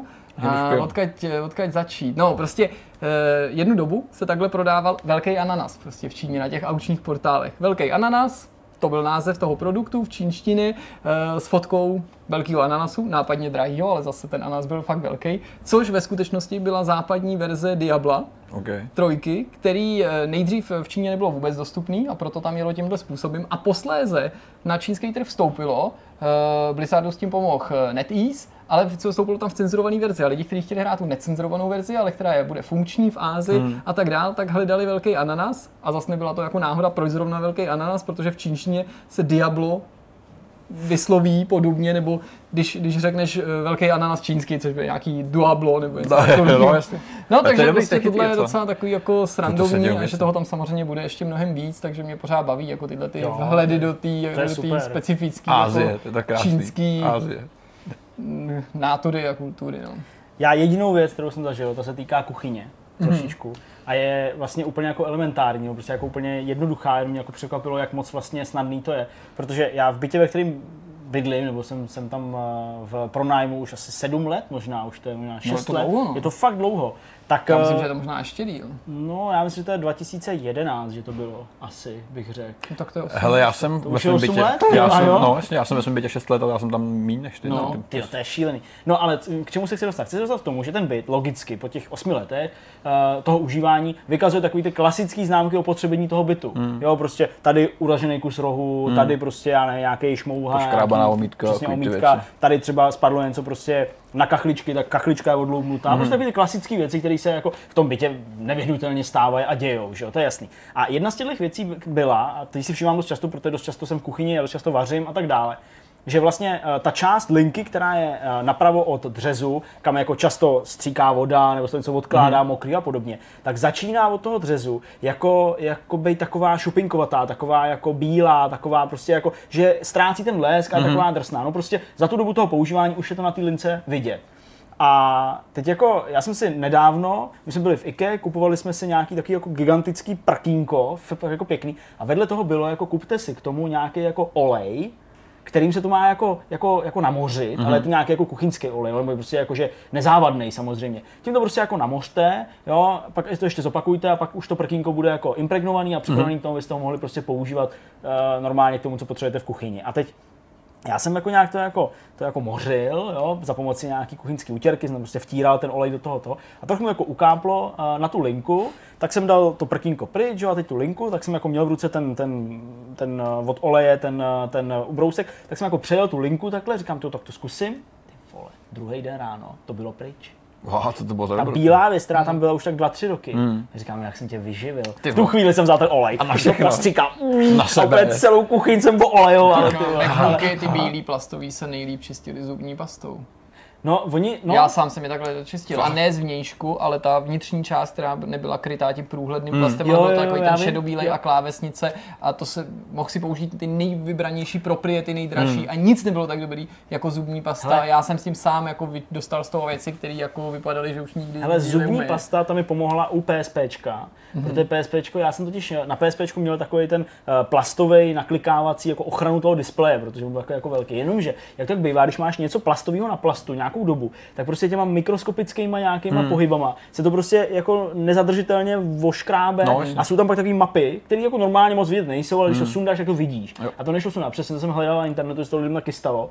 Vemte zubní pastu a tam to bylo vysvětlené nějak, že jako ten, ten, jako, ten jako floor v té pastě, že jako naruší úplně tu nejvrchní, eh, nej, eh, nej, nejsvrchnější část toho plastu, vlastně ho jako rozruší a ty tam prostě vetři, a pak to jako vyleštíš. To budou je jako ty a leštiče je na to auto, ty taky jako to stejný. jenom nalešť, na, naleptá nějak tu No, barvu, přesně. že jo, prostě. Jo, jo, Takže Ty vole. já jsem udělal takovouhle jako Hack, olejovou, olejovou hack. věc v kuchyni. To je dobrý. A mám úplně krásnou linku. Já jsem se třeba i bál, jako, že to, to bude mastný, tak mm, jako umýt ne. To se fakt úplně vstřebalo do té linky. Tam, tam mastná není. Jo, to prkno vůbec, jo, to je ještě hrubější, Mm, to, to není nějak jako ošetřený. Tak jsem byl z toho takový jako hrozně. Tyvo, to je výhra. To až pak bude vlastně být má větší hodnotu. Že? No, teď najednou Tyhle. budu muset asi, až tam bude jako, jako To eh, zhodnotit. Ti vrátí kauci to a zhodnotit, ale hlavně, snížit třeba já jsem taky přemýšlel, přemýšlel jsem taky nad tím, jako až ten byt jednou opustím, jako že bych docela rád si jako postavil Jednou nějaký vlastní třeba dům nebo něco, tak až ten, jako, jak vlastně se přistoupí k tomuhle. A už jsem si říkal, jaký právník mě bude jako zastupovat v takovém tom jako obhajování těch právě jako vad nebo závad v tom bytě, který vzniknou tím opotřebením Hmm, No, naprosto standardním, že jo, jo. Tak už jsem už Ta vlastně, díra v tom pohodě. už už, už vlastně tohle řeším. Přesně, to byla je totiž nejhorší věc, která se stala.